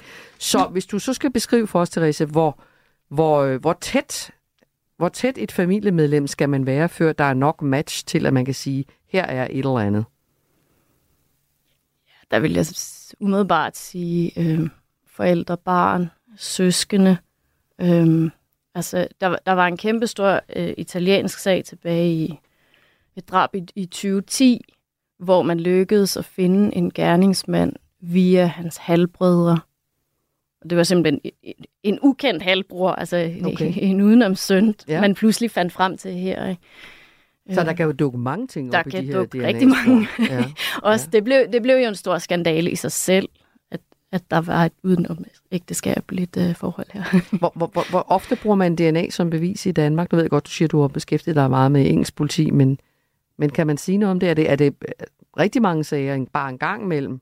Ej, det, det ved jeg egentlig ikke, det har jeg Nej. ikke tal på. Nej, altså, du men, men man kan sige, det er, det er jo øh, med i, i rutineundersøgelser nu. Mm-hmm. Der er en, en lytter her, der spørger, øh, hvor mange menneskers DNA kan en given DNA-profil matche? Altså er det en mange til en afbildning, og hvad med tvillinger? Ja, altså enæggede tvillinger har jo, har jo ens DNA-profiler. Mm-hmm. Øhm, men ellers er det jo det er sådan set unikt. Altså, man kan sige, hvis vi kiggede på hele vores DNA, så var det fuldstændig unikt. Men det gør vi ikke i de her øh, standardidentifikationssager. Vi går ind, vi zoomer som ind på de her cirka 20 steder i DNA'et. Så kan man sige, så, så kunne vi pludselig også matche lidt, lidt nemmere. Men i og med, at vi stadig kigger på så mange dele af DNA'et, så er det virkelig, virkelig usandsynligt. Som i, man plejer at snakke om de her ligesom 1 til ja, 10 med 23 nuller efter sig. Mhm. Øh, så Vil du spørge om noget, Stine? Ja, altså det jeg vil spørge om, jeg synes jo som udgangspunkt, øh, og da jeg hørte det her i morges, så tænkte jeg, wow, det er jo fantastisk. Mm. Hvor er det dog godt. Øh, Øh, det kan man jo slet ikke diskutere. Det er fantastisk. En, der har gjort en forfærdelig forbrydelse, kan øh, eventuelt, og nu skal man jo dømmes øh, i det her land, før man, om man ja. så må sige, er dømt. Øh, så alt det der. Og så kom der så en eftersnak i radioprogrammet, som handlede om, jamen skal vi så alle sammen aflevere DNA, mm. øh, eller skal vi bare sige ja til, at politiet kan høste, købe DNA. Nogle af os har spyttet i noget for at få et eller andet at vide om, hvordan vi stammede fra noget og så videre. Altså, jeg synes også, det rejser en stribe af vanskelige Absolut. spørgsmål. Mm-hmm. Øh, og, og, og hvad tænker du der? Nu har du været involveret i det, du kan det, det faglige, men altså, mm. hvor, hvor ligger kanterne i det her, set fra, fra sagkundskaben? Mm. Men også, også rent personligt. Også personligt altså, ja, jeg, jeg synes ikke om tanken om, at vi lige alle sammen afgiver vores DNA, Nej. og så rutinemæssigt søger vi os bare lige igennem. Hvorfor ikke? Jeg ved ikke, det er rart at have en vis mængde privatliv stadig. Øhm, men altså, nu siger jeg jo også, at et match er et match. I hvert fald, mm. hvis det er som god kvalitetsspor. Men altså, vi skal også huske det her med, at der kan jo være mange gode grunde til, at dit DNA ligger og flyder et eller andet sted det betyder jo ikke, at du har gjort noget som helst. Øhm, jeg... Men det handler vel om, i hvor høj grad man bruger det her DNA som et fældende bevis, ikke? Ja, altså, og, øh. og det står jo aldrig alene. Altså, det blev der også mm, sagt på ja. pressemødet her tidligere i dag. Okay. Øhm, at jamen, du, en ting er, at du har etableret et match til en person, men så skal du forklare, hvorfor den persons DNA er der. Og der har jo været masser af store sager, som er faldet på, at man egentlig ikke havde en god forklaring på, på hvorfor det, eller at man ikke havde en, en inkriminerende grund til, at mm. DNA'et var der. Ja. I, da, da jeg for mange år siden som journalistpraktikant beskæftigede mig med en af de allerførste retssager, hvor, hvor det blev skulle bruges mm. som et fældende bevis, og hvor det i øvrigt ikke blev det, øh, der kan jeg bare huske, at vi snakkede med rigtig mange amerikanske forskere, mm. i en, for det, det var i den periode, hvor DNA'et var nyt, ja. øh, og det var jo sag på sag på sag, hvor man opklarede, fandt ud af, at folk blev dømt på baggrund af DNA-beviser, og så viste det sig, at de var uskyldige. Ja. Øh, og dengang var der kæmpe stor usikkerhed omkring de her resultater. Hvordan vil du beskrive det i dag? Altså, vi kigger jo på mere af DNA'et, end vi gjorde i begyndelsen. Altså nu sagde jeg de her cirka 20 steder. I begyndelsen var det måske cirka 6. Så et match er blevet med en meget større sikkerhed øh, i sig selv. Ikke? Øhm. Men kan det stadigvæk ske, vil du sige, at man kan blive dømt på et, med, med et DNA-bevis, som kan vise sig ikke at være rigtigt? Ja, det kan det godt. Nu er jeg jo også øh, nu er jeg matematisk uddannet, så jeg kan altid finde undtagelsen til men, men det mener du simpelthen, altså, hvad, hvad vil politiet øh, svare, hvis jeg, eller anklagemyndigheden svare, hvis jeg spurgte dem om det samme, tror jeg? Jeg vil egentlig tro, at de sagde, jamen vi underbygger jo sagen med en hel masse andet. andet. Ja. Det er ikke bare det her tal, der står alene. Altså der, hvor, hvor man kan sige, at personligt igen, for at komme tilbage til de her register, som kunne blive lidt utryg, det var, at man så etablerede, at mit DNA var til stede, og så ud fra det, nu havde man ligesom, så gik man på fisketur og, og prøvede at finde alle mulige gode grunde til, hvorfor mit DNA også var til stede. Altså, at man den vej kunne blive uskyldigt dømt. Jeg mm. siger ikke, at det er det, der kommer til at ske, men det, det er sådan jeg ved ikke, en grundusikkerhed, der måske bor lidt i en. Sten Bosch, nu skal du ned i uh, Europaparlamentet, håber ja. du i hvert fald på, ja. ikke også? Altså, det nemmeste i hele verden vil vel være, at man, uh, man registrerede os alle sammen i Europa, for den sags skyld i hele verden, hvis man ville det, i et uh, øh, DNA-register, og så havde politiet det jo meget nemmere med at opklare forbrydelser. Hvordan vil du have det med det? Jamen altså, det, det, det, det vil jeg ikke have det godt med. Nej. Altså, og det er slet og ret, fordi jeg tror virkelig, altså så længe vi har øh, demokratisk valgte systemer. Øh, så længe vi har gennemsigtighed, øh, borgerrettigheder, øh, retssystemer med, med uvildige dommere, som vi må have tillid til, øh, dømmer ud fra, at der er stærke beviser osv. Så, så længe alt det, vi kender, er intakt, så vil jeg da også sige, nej, fed idé, ikke? Det samme med alt muligt anden overvågning. Ja, lad os få noget ansigtsgenkendelse, det er skide smart, ikke? Men jeg er ikke, jeg, altså, og i tiltagende grad tror jeg bare ikke, vi skal føle os sådan helt der, hvor vi siger, men altså den måde, vi har indrettet os på, den består til evig tid. Ja, det er jeg ikke sikker på. Nu snakker vi Kina.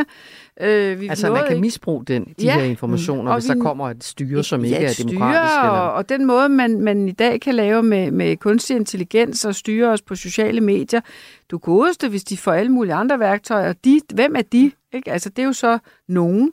Så nej, jeg tror, vi, skal, vi, vi gør klogt i at vare os øh, lige så meget, som jeg er nødt til at sige, at jeg selvfølgelig synes, det er fantastisk, hvis man får fat i. Og jeg tror også, man skal gå nogle skridt i retning af at, at gøre ting muligt. Men jeg tror, det der med at lave et totalt... Altså, du bliver født bank, så det første, der sker, det er, at vi tager lige et billede af dit DNA, og så øh, er du på en eller anden måde øh, statens ejendom. Eller jeg, jeg ved ikke, hvad det er, jeg får af associationer, men det er ikke smukt. Jeg synes også, det, der er en interessant skældning der i altså at gå, gå helt til den ekstrem, hvor vi laver et fuldstændigt register over alle, og så sige, jamen selvfølgelig kan vi netop indsnævre søgefeltet ved målrettet og gå ud og, og, og finde folks familie, i stedet mm. for at, at altså, mm. gå ind i en landsby og tage DNA-prøver fra alle. Ja. Vi må se, hvad der sker i den her sag. Det bliver noget, vi kommer til at følge. Ikke mindst dig, du, Therese Grausen. Tak skal du have, fordi jo, du kom. Uh, lektor på IT-universitetet. Du lytter til hovedet og halen. Stine Bosse, vi har som sagt googlet dig. Øh, det skal du ikke få paranoia over. vi kan ikke se din DNA, øh, din DNA-profil, øh, men vi kan læse om dig. Mm. Og vi kan læse for eksempel en overskrift fra Alfa Damon, tror jeg det er, som hedder, mm. det der evige troskabsfis, det holder jo ikke for de fleste. det, det kan Hvad handler det om, monstro? Jamen, det handler jo om, jeg har to lange ægteskaber bag mig. Øh, et, et 10-årigt ægteskab med min, med min daværende mand, der er far til mit, mine børn, og som i dag er vi bror søsteragtige, mm. ikke? Altså holder meget af ham. Og, øh, og så et 18 års langt ægteskab, hvor jeg var så heldig at få to bonussønner og en fantastisk veninde, som jo er deres mor. Øhm, og øh, han er så lige død øh, for nylig. Øh, min eksmand der er. Og, og så diverse dejlige forhold. Og det, og, og det, det, jeg kunne da godt, det, og det er et ærligt snak, jeg kunne da godt nogle gange, når jeg sidder og tænker, det må da være fantastisk, når jeg ser de der mennesker, der holdt sammen i 50 år, eller ej, hvor er det smukt, ikke? Jeg bliver mm. lidt misundelig. Jeg mm. tænker, den der tosomhed, som jo bliver noget helt særligt, når man har kendt hinanden altid. Men det har jeg jo så med nogle venner og nogle veninder. Og det holder jeg lige så meget af. Jeg sætter kæmpe stor pris på. Øh, og så har mit liv så bare formet sig på en anden måde. Så du tænker ikke, hvem skal komme og finde mig, hvis jeg pludselig falder om? Eller hvem skal, hvem skal passe på mig? Når, øh, hvis jeg får en øh, alvorlig sygdom? Jo, det kan eller... du tro, Nå, jeg gør. det gør du alligevel. Altså, ja. jo, jo, jo, jo, jo. Altså, og jeg er meget klar på, øh, altså jeg har skrevet op sådan et sted i sådan nogle ældreboliger, et ældrekollektiv kan man vel kalde det nu om dagen, øh, med nogle øh, små lejligheder, øh, med klubber og fællesaktiviteter og fællesspisning og alt noget. Du kan tro, jeg skal ikke bo alene, når Nej. jeg øh, bliver øh, forhåbentlig øh, en gammel dame. Øh, nej, det har jeg gjort mig helt klart, øh, og, øh, og diskuteret jo meget med, med pigernes far. Mm. Han har et andet billede, og jeg har et klart billede, jeg skal ikke bo alene. Nej. Jeg vil gerne bo i, i et sted, hvor man har sit eget, men sammen med nogle andre. Om det så er det her sted, jeg har skrevet mig op til, eller det er sammen med nogle veninder, og siger, nu gør vi noget sammen her. Øh, igen Rita, min gode veninde, og der er også en anden, der hedder Janette, og vi har da også talt om, jamen hvorfor ikke bo sammen mm. øh, til den tid? Ja. Det tror jeg, der er rigtig mange på vores alder, der snakker om ja. Bosse, som ja. tænker, fordi vi er meget kollektivistiske i vores generation. Ja. Nogle af os er i hvert fald. Ja. Ikke? Øhm, skal det være i Gilleleje? Er det der, du skrev op? Nej, det er, nej, det er Helsingør. Nå, okay. Og Men det er rent faktisk en stor diskussion med Rita og mig, fordi okay. hun har aldrig boet andre steder end Gilleleje. Og jeg har det lidt sådan, jeg kunne altså bedst tænke mig at blive i Helsingør. Okay. Men nu må vi se, hvordan I må det blive enige. Ja. ja, det må vi. En sidste overskrift her. Øh, da min mor døde, gik jeg til psykolog i to år, står der her. Mm. I en, øh, jeg tror også, det er alt for damerne. De har lavet masser af portrætter af dig. Du er sådan en, man gerne vil lave portrætter af, Stine Bosse, fordi du har haft den der enormt magtfulde stilling ja. øh, som kvindelig leder, og det er vi alle sammen lidt fascineret af, ja. måske. Ikke? Ja. Det der med at gå til psykolog, det der med at være presset øh, og møde modgang og sorg i sit liv, mm. hvordan har du oplevet det også? Uha. Altså, jeg plejer jo at sige, at det, det, jeg er blevet bedre til at nyde det, når det er rigtig dejligt, men, men det har været en pus blandet bolcher. Og jeg har nogle gange tænkt, ej, kunne, det ikke bare, kunne jeg ikke bare få sådan et liv, hvor det hele var lidt på midten? Øh, det kan være, det er derfor, jeg er politisk. Men, men sådan blev det ikke. Nej. Altså, øh, der har været nogle kæmpe, kæmpe skub i, i den meget hårde retning. Og, Vil du øh, fortælle om nogle af de ting, der er sket? Altså, jeg mister min mor, da jeg er 27, ikke? og hun havde haft gentagende depressioner, som er klart af PTSD-relateret, vokset op i London under krigen. Hun ender med at tage sit eget liv. Voldsomt, voldsomt. Jeg har to små børn. Nyt job i tryk. Øh, så går alt det her. Øh, jeg finder ud af det med psykologhjælp og alt muligt andet. Får jo en erhvervskarriere, som jeg i dag godt kan se var helt skør. Altså 32 år bliver jeg underdirektør. Ikke? Altså det kørte virkelig på de meget høje navler. Øhm, og så øh, øh, bliver jeg, øh, øh, da jeg lige er blevet administrerende direktør, så øh, har vi en forfærdelig ulykke på den gård, hvor jeg bor i Gilleleje, eller tæt på Gilleleje i Drønnemølle. Øh, Øh, min øh, yngste datters øh, kæreste bliver slået ihjel. Meget, meget voldsomt. Meget urimeligt. 19 år gammel. Altså, jeg savner ham sgu endnu. Heldigvis har vi god kontakt til hans familie stadigvæk. Øh, så kæmpe, kæmpe skub ind i vores liv. Og så har jeg også haft et skub, hvor min øh, yngste datter, som i øvrigt også for hende, der mistede sin kæreste dengang, øh, fik for, det må være 5-6 år siden efterhånden, det der hedder en virus, encefalitis har jeg fundet ud af, en virus, der gik ind i hendes hjerne, og desværre lavede noget ballade, så, som hun døjer med i dag, altså mere end døjer, vil jeg så Mm, sige, ikke? mm. Men, men har helt fantastisk vis. Hun er, hun er virkelig verdensmester i at, at finde vej. Mm. Øh, alligevel fundet vej. Men de der store, store ja. skub ligger jo som en del af kulissen til, at nu har jeg det så dejligt i det, jeg laver nu. Og i mange andre ting har været helt fantastiske og skønne, som jeg siger pænt tak for. Men du kan jo godt høre, at det er Fokus har... både og. Ja, og fokus har måske også flyttet sig for dig undervejs. I den grad. Ja. Altså, hvis, hvis jeg var blevet inviteret til politik, og det blev jeg faktisk, og måtte også sige nej, så det kan jeg sige som et faktum. Da jeg blev inviteret til politik i Europaparlamentet for fem år siden, måtte jeg sige nej, fordi at der var min datters øh, situation så uafklaret, så jeg kunne slet ikke koncentrere mig om noget som helst andet end det. Lidt- Vi glider umærkeligt over i den næste historie, Stine Bosse, mm. fordi noget af det, som jo også optager øh, medierne i den her tid, øh, det er, handler jo om generationer. Ja. Øh, og det er du jo allerede inde på nu. Du er, du er bedstemor, du er mormor og papfarmor Rut, øh, er det så, ikke også? Øh, øh, og, og jeg kan jo også høre, at du har været en stor del af dine børns liv, også mm. Selvom du har haft den her erhvervskarriere osv. Mm. Men, men er det også sådan med dine børn, at du generelt sådan er enig i, hvordan man opdrager børn? Jeg tror egentlig, vi er rimelig enige. Vi har aldrig sådan de helt store bravallaslag omkring det, men, men jeg blev jo mormor, da jeg var 49. Og jeg øh, valgte jo, det var jo så lige der, jeg også jeg stopper i tryk, da jeg er 50, og jeg valgte jo at stoppe blandt andet for at kunne være mere fuldtidsmormor. Og jeg havde hver dag, eller hver uge en hel dag, hvor jeg hentede børnene, og det er de første fire store, jeg har gjort det med.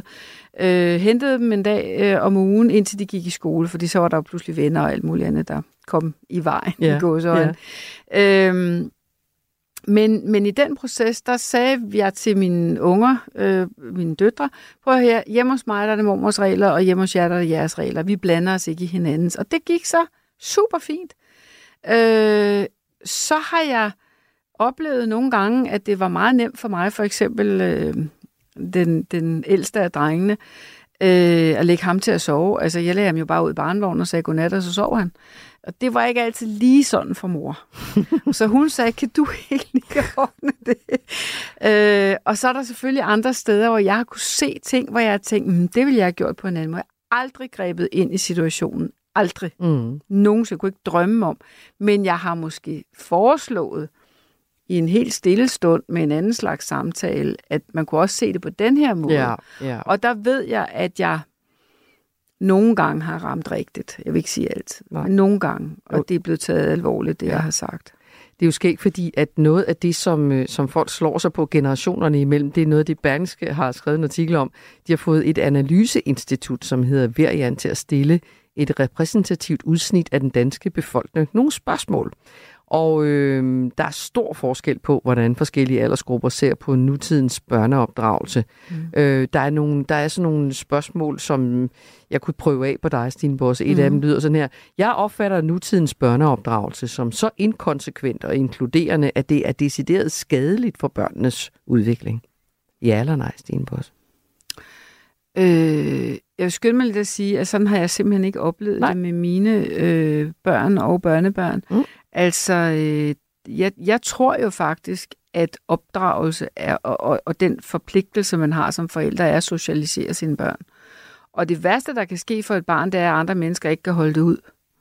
Og det bedste, der kan ske, det er, at unge skal være rasende uartige derhjemme, og når man så kommer ud, så kan unge godt finde ud af at, at, at afføre sig så andre mennesker har lyst til at være sammen med en. Ja. Og, det, og det mener jeg faktisk er lidt en pligt. Ja. Og det, ja. Der er et andet spørgsmål her, øh, som de også har stillet til forskellige, meget sjovt for de forskellige aldersgrupper, og det forskellige politiske overbevisning mm. osv., så mænd og kvinder osv. Og det andet, et af de andre spørgsmål, det er, jeg synes, eller jo ikke et spørgsmål, men et statement, du så skal forholde dig til. Øh, jeg synes, at børn i dag får lov at bestemme for meget, og bliver i rettesat for sjældent. Nej. Det er du ikke enig i? Nej, altså, Nej. Men, men hvis bestemme er, sådan noget med, altså, øh, øh, hvor skal vi rejse hen?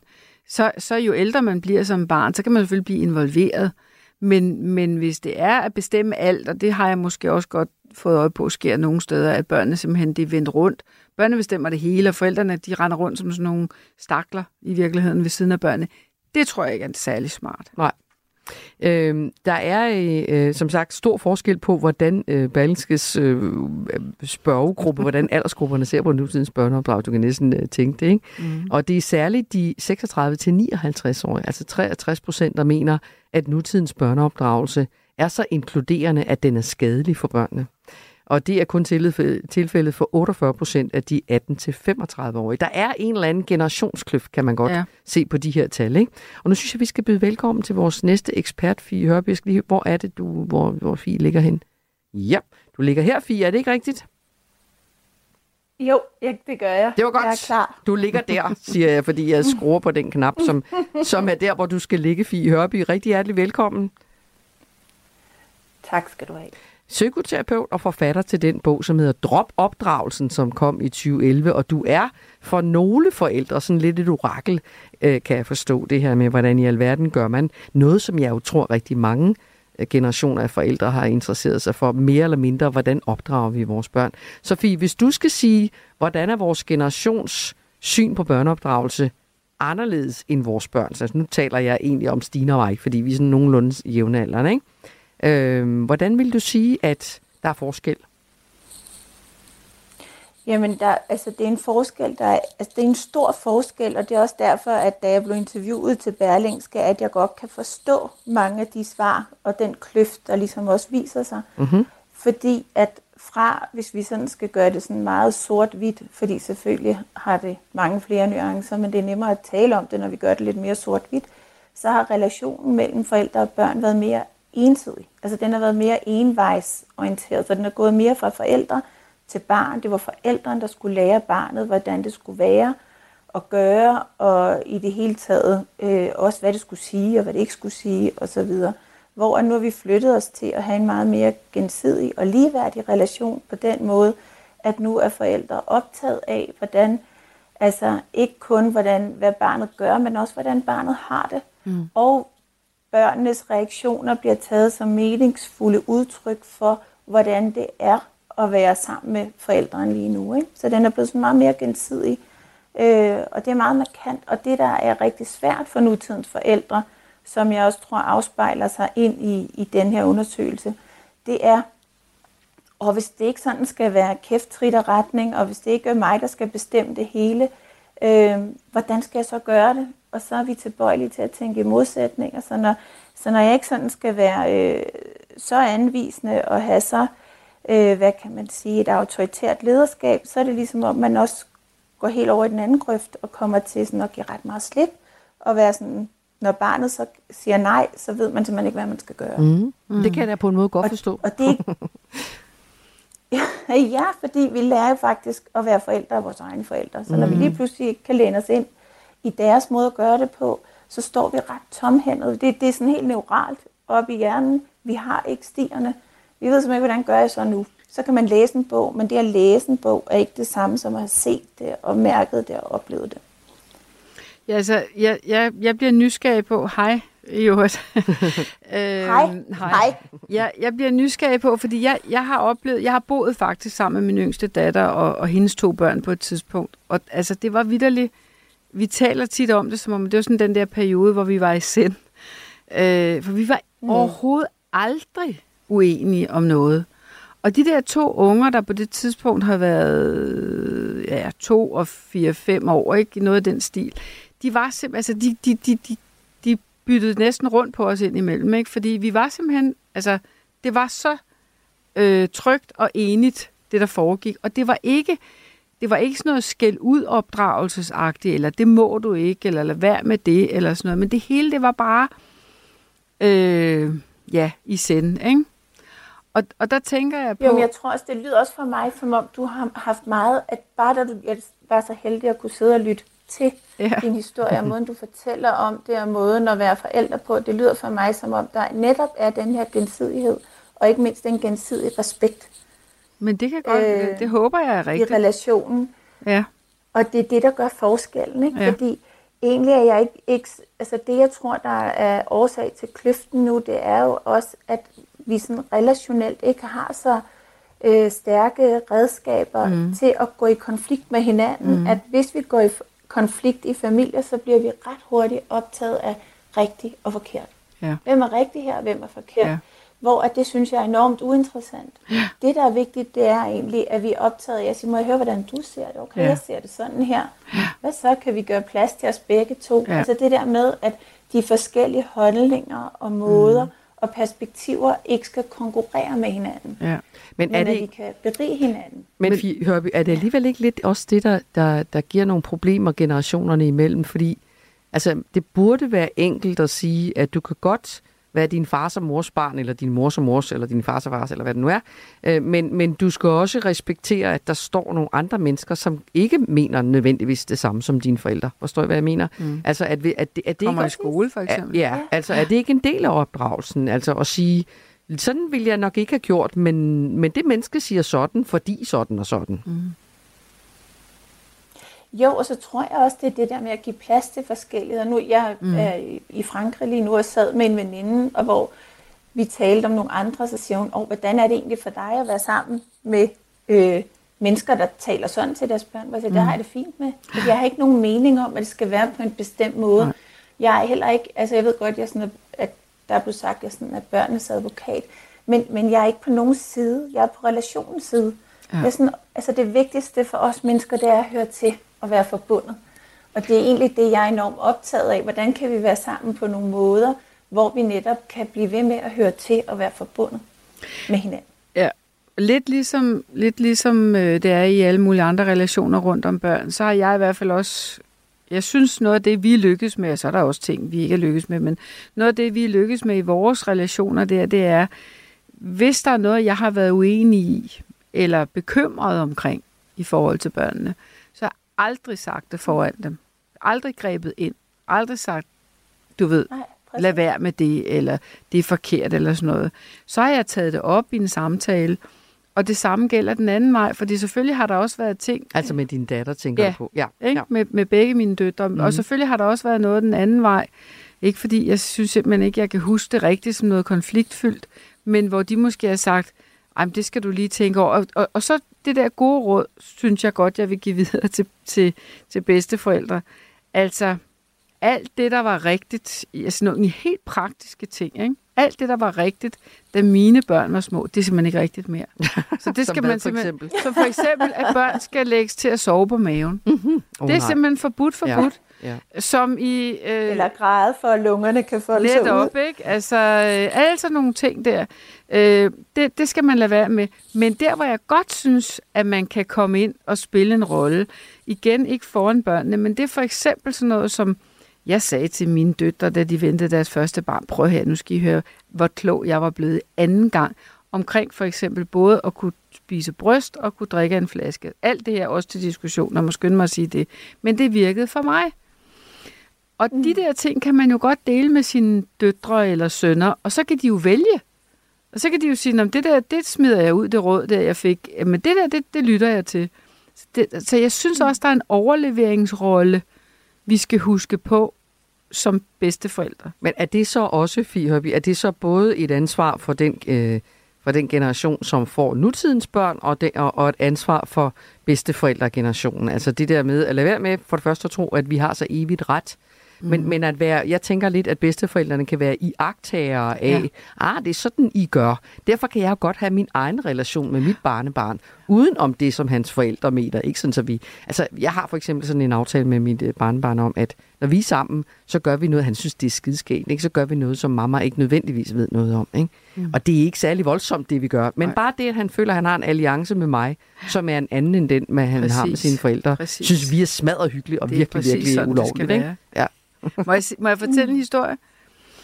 Sofie, det, det var, jeg havde mine børnebørn på, øh, på sommerferie øh, i fire dage. Og, øh, og det var de fire store, de er meget jævnaldrende. Og det var i den periode, hvor de to små drenge synes det mest fantastiske var at synge uartige sange. Og, øh, og det var, øh, havde mine børn advaret mig, så de, de elsker de der ord, vi gider simpelthen ikke at høre på dem. Og så sagde jeg, men det, det finder mormor selv ud af. Ja, og så sagde jeg til børnene, hver gang vi spiser, så synger vi, I skal finde på en hver, vi skal synge fire uartige sange. Det gjorde vi til to måltider, hvorefter de bad om at blive fri. altså det der med, ja, at, det er jo det, altså, at krydse det er jo også broer. det, det der Jamen, og så er det jo også det der, der får plads, det fylder mindre. Ja. At når der er noget, jeg virkelig ikke må, så mm. kan det blive tvingende nødvendigt Præcis. at måtte gøre det, fordi tryk avler modtryk. Ja. Så det er også det der, og jeg tror, det er det samme, der foregår mellem generationerne. Mm. Hvis øh, bedsteforældre oplever, åh, det jeg gør er ikke rigtigt, eller sådan her kan de ikke lide det, eller sådan vil min datter eller søn ikke have, jeg gør det, eller vi må ikke, og vi skal læse den der bog, droppe opdragelsen osv. Mm. At altså, jo, jo mere forkert man føler sig, jo sværere bliver det jo også at gøre det rigtigt. Ikke? Præcis, så jeg tror, det er så vigtigt, at vi ikke bliver optaget af at diktere hinanden, hvordan vi skal være sammen med de børn, vi nu engang har ansvar for, fordi vi kommer til at føle os så forkerte. Mm. Og jeg tror, der er noget vigtigt i, i hele det her med, at vi bliver ved med at interessere os for hinanden på kryds og tværs af generationerne. At både bedsteforældrene også bliver ved at interessere sig for deres voksne børns måder, nye måder måske at gøre tingene på. Og også at børnene er nysgerrige for, oh, hvad, hvad lå egentlig bag jeres måde at gøre det her på? Mm. Og når du siger sådan, hvad tænker du så, at vi kan have de her snakke, uden at det skal defineres, hvad der er rigtigt og hvad der er forkert, hvad der er forskningsbaseret, hvad der ikke er. Men at vi Supervigtigt. bliver ved med at reflektere sammen. Mm. Det er jo det, der er det vigtigste. Fordi at vi ved, at det, der skaber tryghed, relationer imellem, det er, når vi får oplevelsen af, jeg kan være mig selv sammen med det andet menneske, jeg står med, om mm. det så er mit barn, eller mine forældre, eller hvad det nu end kan være. Jeg men, synes men også- det kan vi ikke, Nej. Hvis der er de her måder, bestemte Nej. måder. Og jeg er jo også selv blevet udnævnt i den retning, og jeg vil være ærgerlig over for at vide, at når Fie Hørby siger, at det ikke er rigtigt, og det er forkert. Blive brugt der, er, som der er jo bussemand. selvfølgelig noget, for, jamen, det er bare det der med, at der er noget forskning, vi kan læne os ind i. Der er noget, vi faktisk ved noget om, mm. og det kan vi jo bruge som en sparringspartner. Men, men i forhold til det at være sammen med børn og have ansvaret for børn, så er det allervigtigste, at vi har det godt med det, vi gør.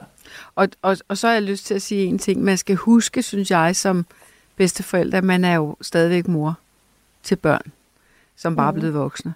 Og, og jeg har haft enormt både brug for og også glæde af at anerkende mine døtres sindssygt dygtige moderskab.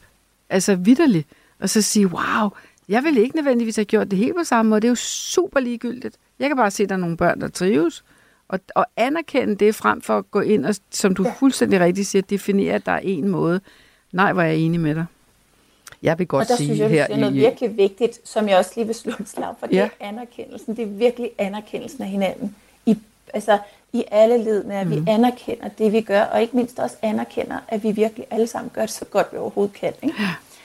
Øh, og vi kan mere, når vi netop kan blive anerkendt i det. Vi hører vi tak, fordi vi må have dig med fra Frankrig. Det var pænt af dig. Ja, Selv tak for at og- invitere mig. Og, og rigtig god øh, tur, rejse, ferie. Tak. Tak. Tak skal I have. Fie Hej. Hørby, som altså Hej. er psykoterapeut og har skrevet bogen, øh, som hedder Drop opdragelsen, tror jeg, det er den hedder, og som altså bliver brugt, øh, Stine, også til på en eller anden måde, at, at øh, hvad skal man sige, som en guide, der har jo været mange af de der bøger, ikke? Der har jo været de kompetente barn, og der har været, altså alle de her, som du og jeg også har læst Mm. undervejs, ikke?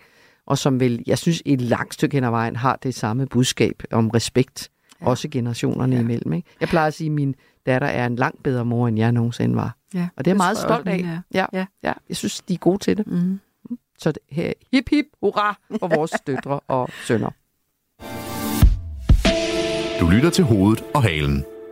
Vi når en sidste, et sidste dyb ned i øh, nyhedshavet, Stine Bosse. Skal vi gøre det? Mm-hmm. Øhm, vi har jo en samfundskontrakt, det ved du bedre end mange andre. Du sidder med dit øh, adgangskort til Folketinget øh, på det Christiansborg om halsen. Øh, og den samfundskontrakt med vores allesammen i velfærdssamfundet handler jo blandt andet om, at, øh, at vi griber hinanden, øh, når vi kommer i problemer, og vi skal alle sammen bidrage. Ja. Øhm, det betyder jo også, at man kan godt skylde staten penge, men på et eller andet tidspunkt, så skal de altså betales tilbage igen den ene eller den anden vej. Ikke? Selvfølgelig. Nu er der så kommet nogle nye regler, som betyder, at Gældsstyrelsen, som er den, der indkræver øh, udstående gæld Mhm. øh, for samfundet Danmark, kan trække helt op til 60 procent af din nettoløn. Tidligere sagde man 40 procent, nu er det blevet hævet til 60 procent. Og det kan faktisk have enormt store konsekvenser for de borgere, som jo også skal betale skat mm. og faste udgifter mm. og husleje og alt muligt andet, at de nu får hævet deres afdrag. Øh, det er omkring, øh, har vi fundet ud af her på Radio 4, en, en, øh, en aktindsigt, vi har fået gæld, på Gældsstyrelsen. Det er omkring 130.000 borgere, som har misligeholdt deres gæld, som nu får trukket en større andel af deres løn af staten. Og en af dem, ham skal du lige høre her, han hedder Henrik Sørensen. Jeg har sparet og sparet og sparet og sparet. Henrik Sørensen arbejder for et vikarbyrå, som lige nu, og for han får lige nu trukket 80 procent af sin løn i skat og gældsfradrag på grund af de her nye regler. Det er jo nærmest kun et spørgsmål om tid. Altså, jeg kan ikke blive ved med at rende rundt af det hvide vejen og låne penge øh, til, mit næste, til den næste uges leje. Jo. Og 1. oktober så steg grænserne altså for, hvor meget staten må trække af vores løn, hvis man skylder penge til det offentlige. Øh, I alt fem, omkring 5.000 borgere bliver nu ud over skatten trukket mere end 40 procent af lønnen, viser nye tal, som Radio 4 har fået fra Gældsstyrelsen. Og en af dem, Henrik Sørensen, han har en gæld på over 400.000, Stine, hvis du lige skal, når jeg siger, at den gamle forsikringstopchef, hun sidder og skriver ned her. Noter. Yes. 400.000 skylder han, og det gør han, fordi han for 10 år siden, som det jo sker for rigtig mange, mm. blev skilt. Huset røg på tvangsauktion. Og han fortæller så, at indtil reglerne blev ændret, der var hans afdragsprocent på 65% hver måned. Altså 65% røg tilbage til staten igen. Ikke? Nu er stigningen med skat og afdrag. Nu er stigningen på 80% blevet simpelthen en ond spiral for ham. Mm. Så må jeg jo låne jo. Øh, jeg må jo ud og lave mere gæld, for at komme videre med, med, mit liv. Øh, Og det er jo frygteligt. Jeg står i en situation, hvor at, øh, jeg nærmest øh, skal flytte fra, fra det hele. Og deres behandlingstid nede i Gældsstyrelsen, den er jo fuldstændig vanvittig. Øh, nu, jeg har ventet øh, siden, øh, som sagt, øh, til oktober, siden oktober. Og jeg kan først få en ny vurdering her midt i februar. Og med det, som det er ser ud nu, så har jeg 4800 i minus på min konto hver måned. Og for ham, Henrik Sørensen, er det sådan set ikke selve spørgsmålet om, hvorvidt han vil betale for sin gæld, for det vil han gerne, men mere hvor hurtigt det skal, det skal ske. Ikke? Mm. Han mener, det er ikke fair, at han skal betale øh, den måde, han skal betale sin gæld på til det offentlige. Jeg har heller ikke på noget tidspunkt sagt, at jeg ikke vil betale. Slet ikke. Langt fra. Øh, og jeg, øh, som sagt, jeg lavede en aftale dengang øh, på 65 procent af min løn. Og det kunne jeg overleve på, og, og, og, og, og, og jeg betalte af på min gæld. Men jeg kan simpelthen ikke betale det med 80 procent. Og det er især den her stigning, der gør det svært for ham at få det hele til at løbe rundt, siger han. Det påvirker mig jo den øh, stand, at jeg, jeg nærmest ikke råd til noget som helst. Jeg skal bruge omkring 3500 på transport om måneden for at passe det arbejde, jeg har lige nu. Og når det er trukket fra, så er der stort set ikke noget tilbage til at kan betale noget som helst. Og det betyder så i Henrik Sørensens tilfælde, at han må gældsætte sig selv endnu mere. Ja, Så må jeg jo låne jo. Øh, Jeg må jo ud og lave mere gæld, for at komme videre med, med, med mit liv. Og det er jo frygteligt. Jeg står i en situation, hvor at, øh, jeg nærmest øh, skal flytte fra, fra det hele. Hvad tænker du, Stine, om den her situation? Fordi han skal jo betale tilbage, det vil han sådan set også gerne, men politikerne i politikere har hævet det, så nu kan man godt trække 60 procent af lønnen, og så er han på spanden. Øh, flere ting. Altså, lad mig lige starte med det vigtigste. Jeg kan jo høre på, på Henrik Sørensen, at han er ulykkelig. Ja, han er virkelig påvirket af Han er det, virkelig påvirket. Han kan han ikke er se, hvad han det, skal og han gøre. kan simpelthen Ja. ikke se sig igennem Nej. Og, og det tror jeg ikke tjener noget som helst godt i noget samfund, at, at vi ikke har øje for at, at på en eller anden måde finde vej øh, for mennesker, som har det på den måde. Jeg kan jo selvfølgelig ikke udtale mig om den Nej, konkrete sag, fordi jeg ved og ikke... og nej. øh, Det er jo lige så meget princippet. Ja, og der tænker jeg, nu, nu, og det er så den anden kommentar, for nogle år siden, så brokkede jeg mig over, at man ikke kunne komme til at betale til sin, Det kan jeg godt huske. sin ja. offentlige gæld. Ja. Og nu har Gældsstyrelsen så sikret, at øh, det både kan man og skal man, og det har jeg faktisk respekt for, at de har fået gjort.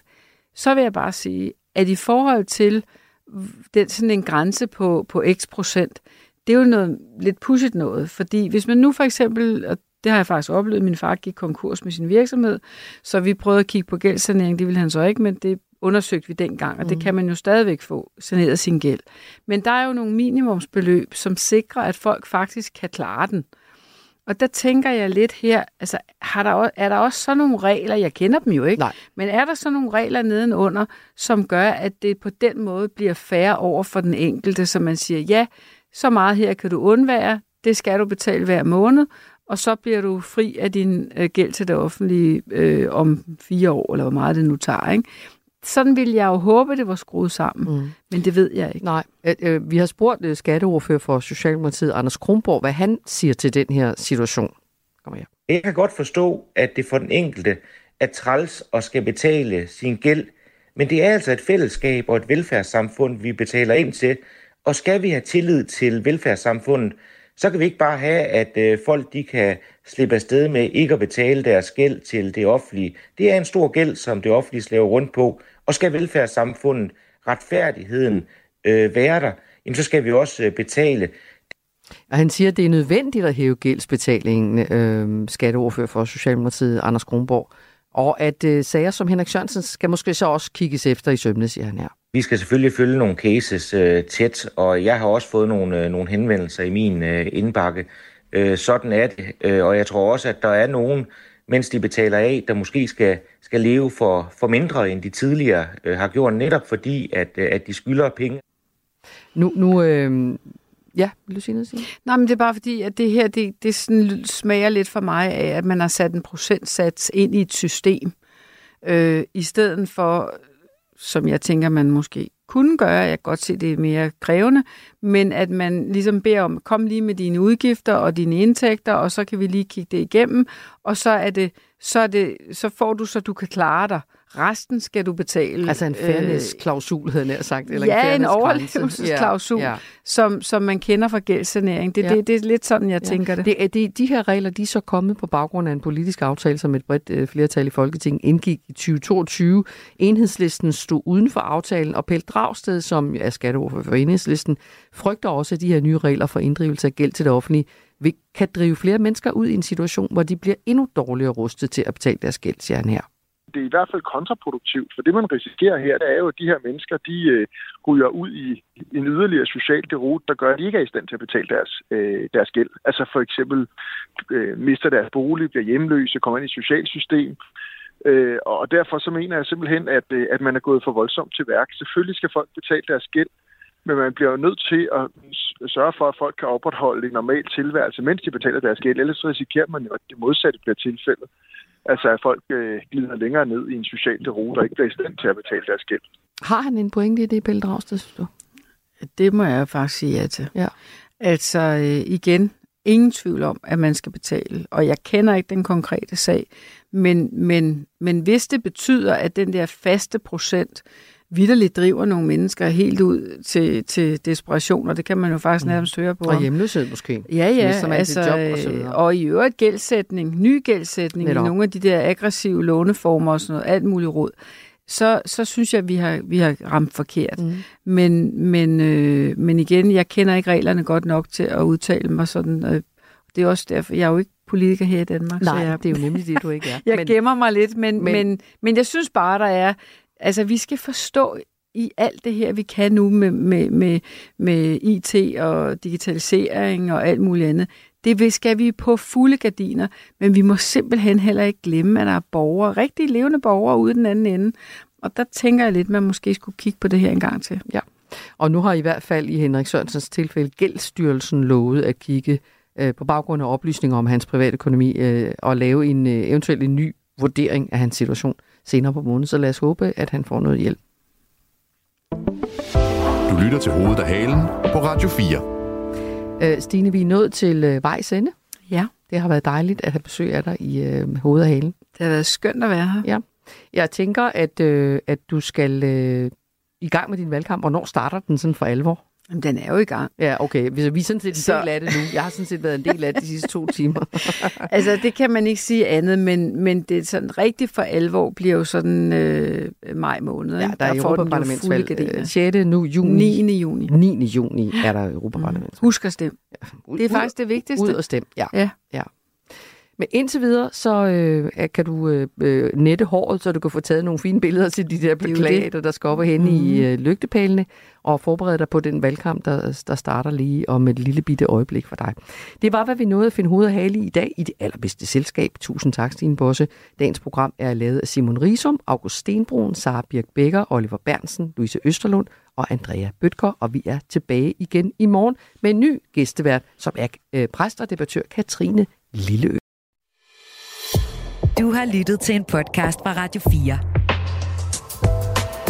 Find flere episoder i vores app, eller der, hvor du lytter til podcast.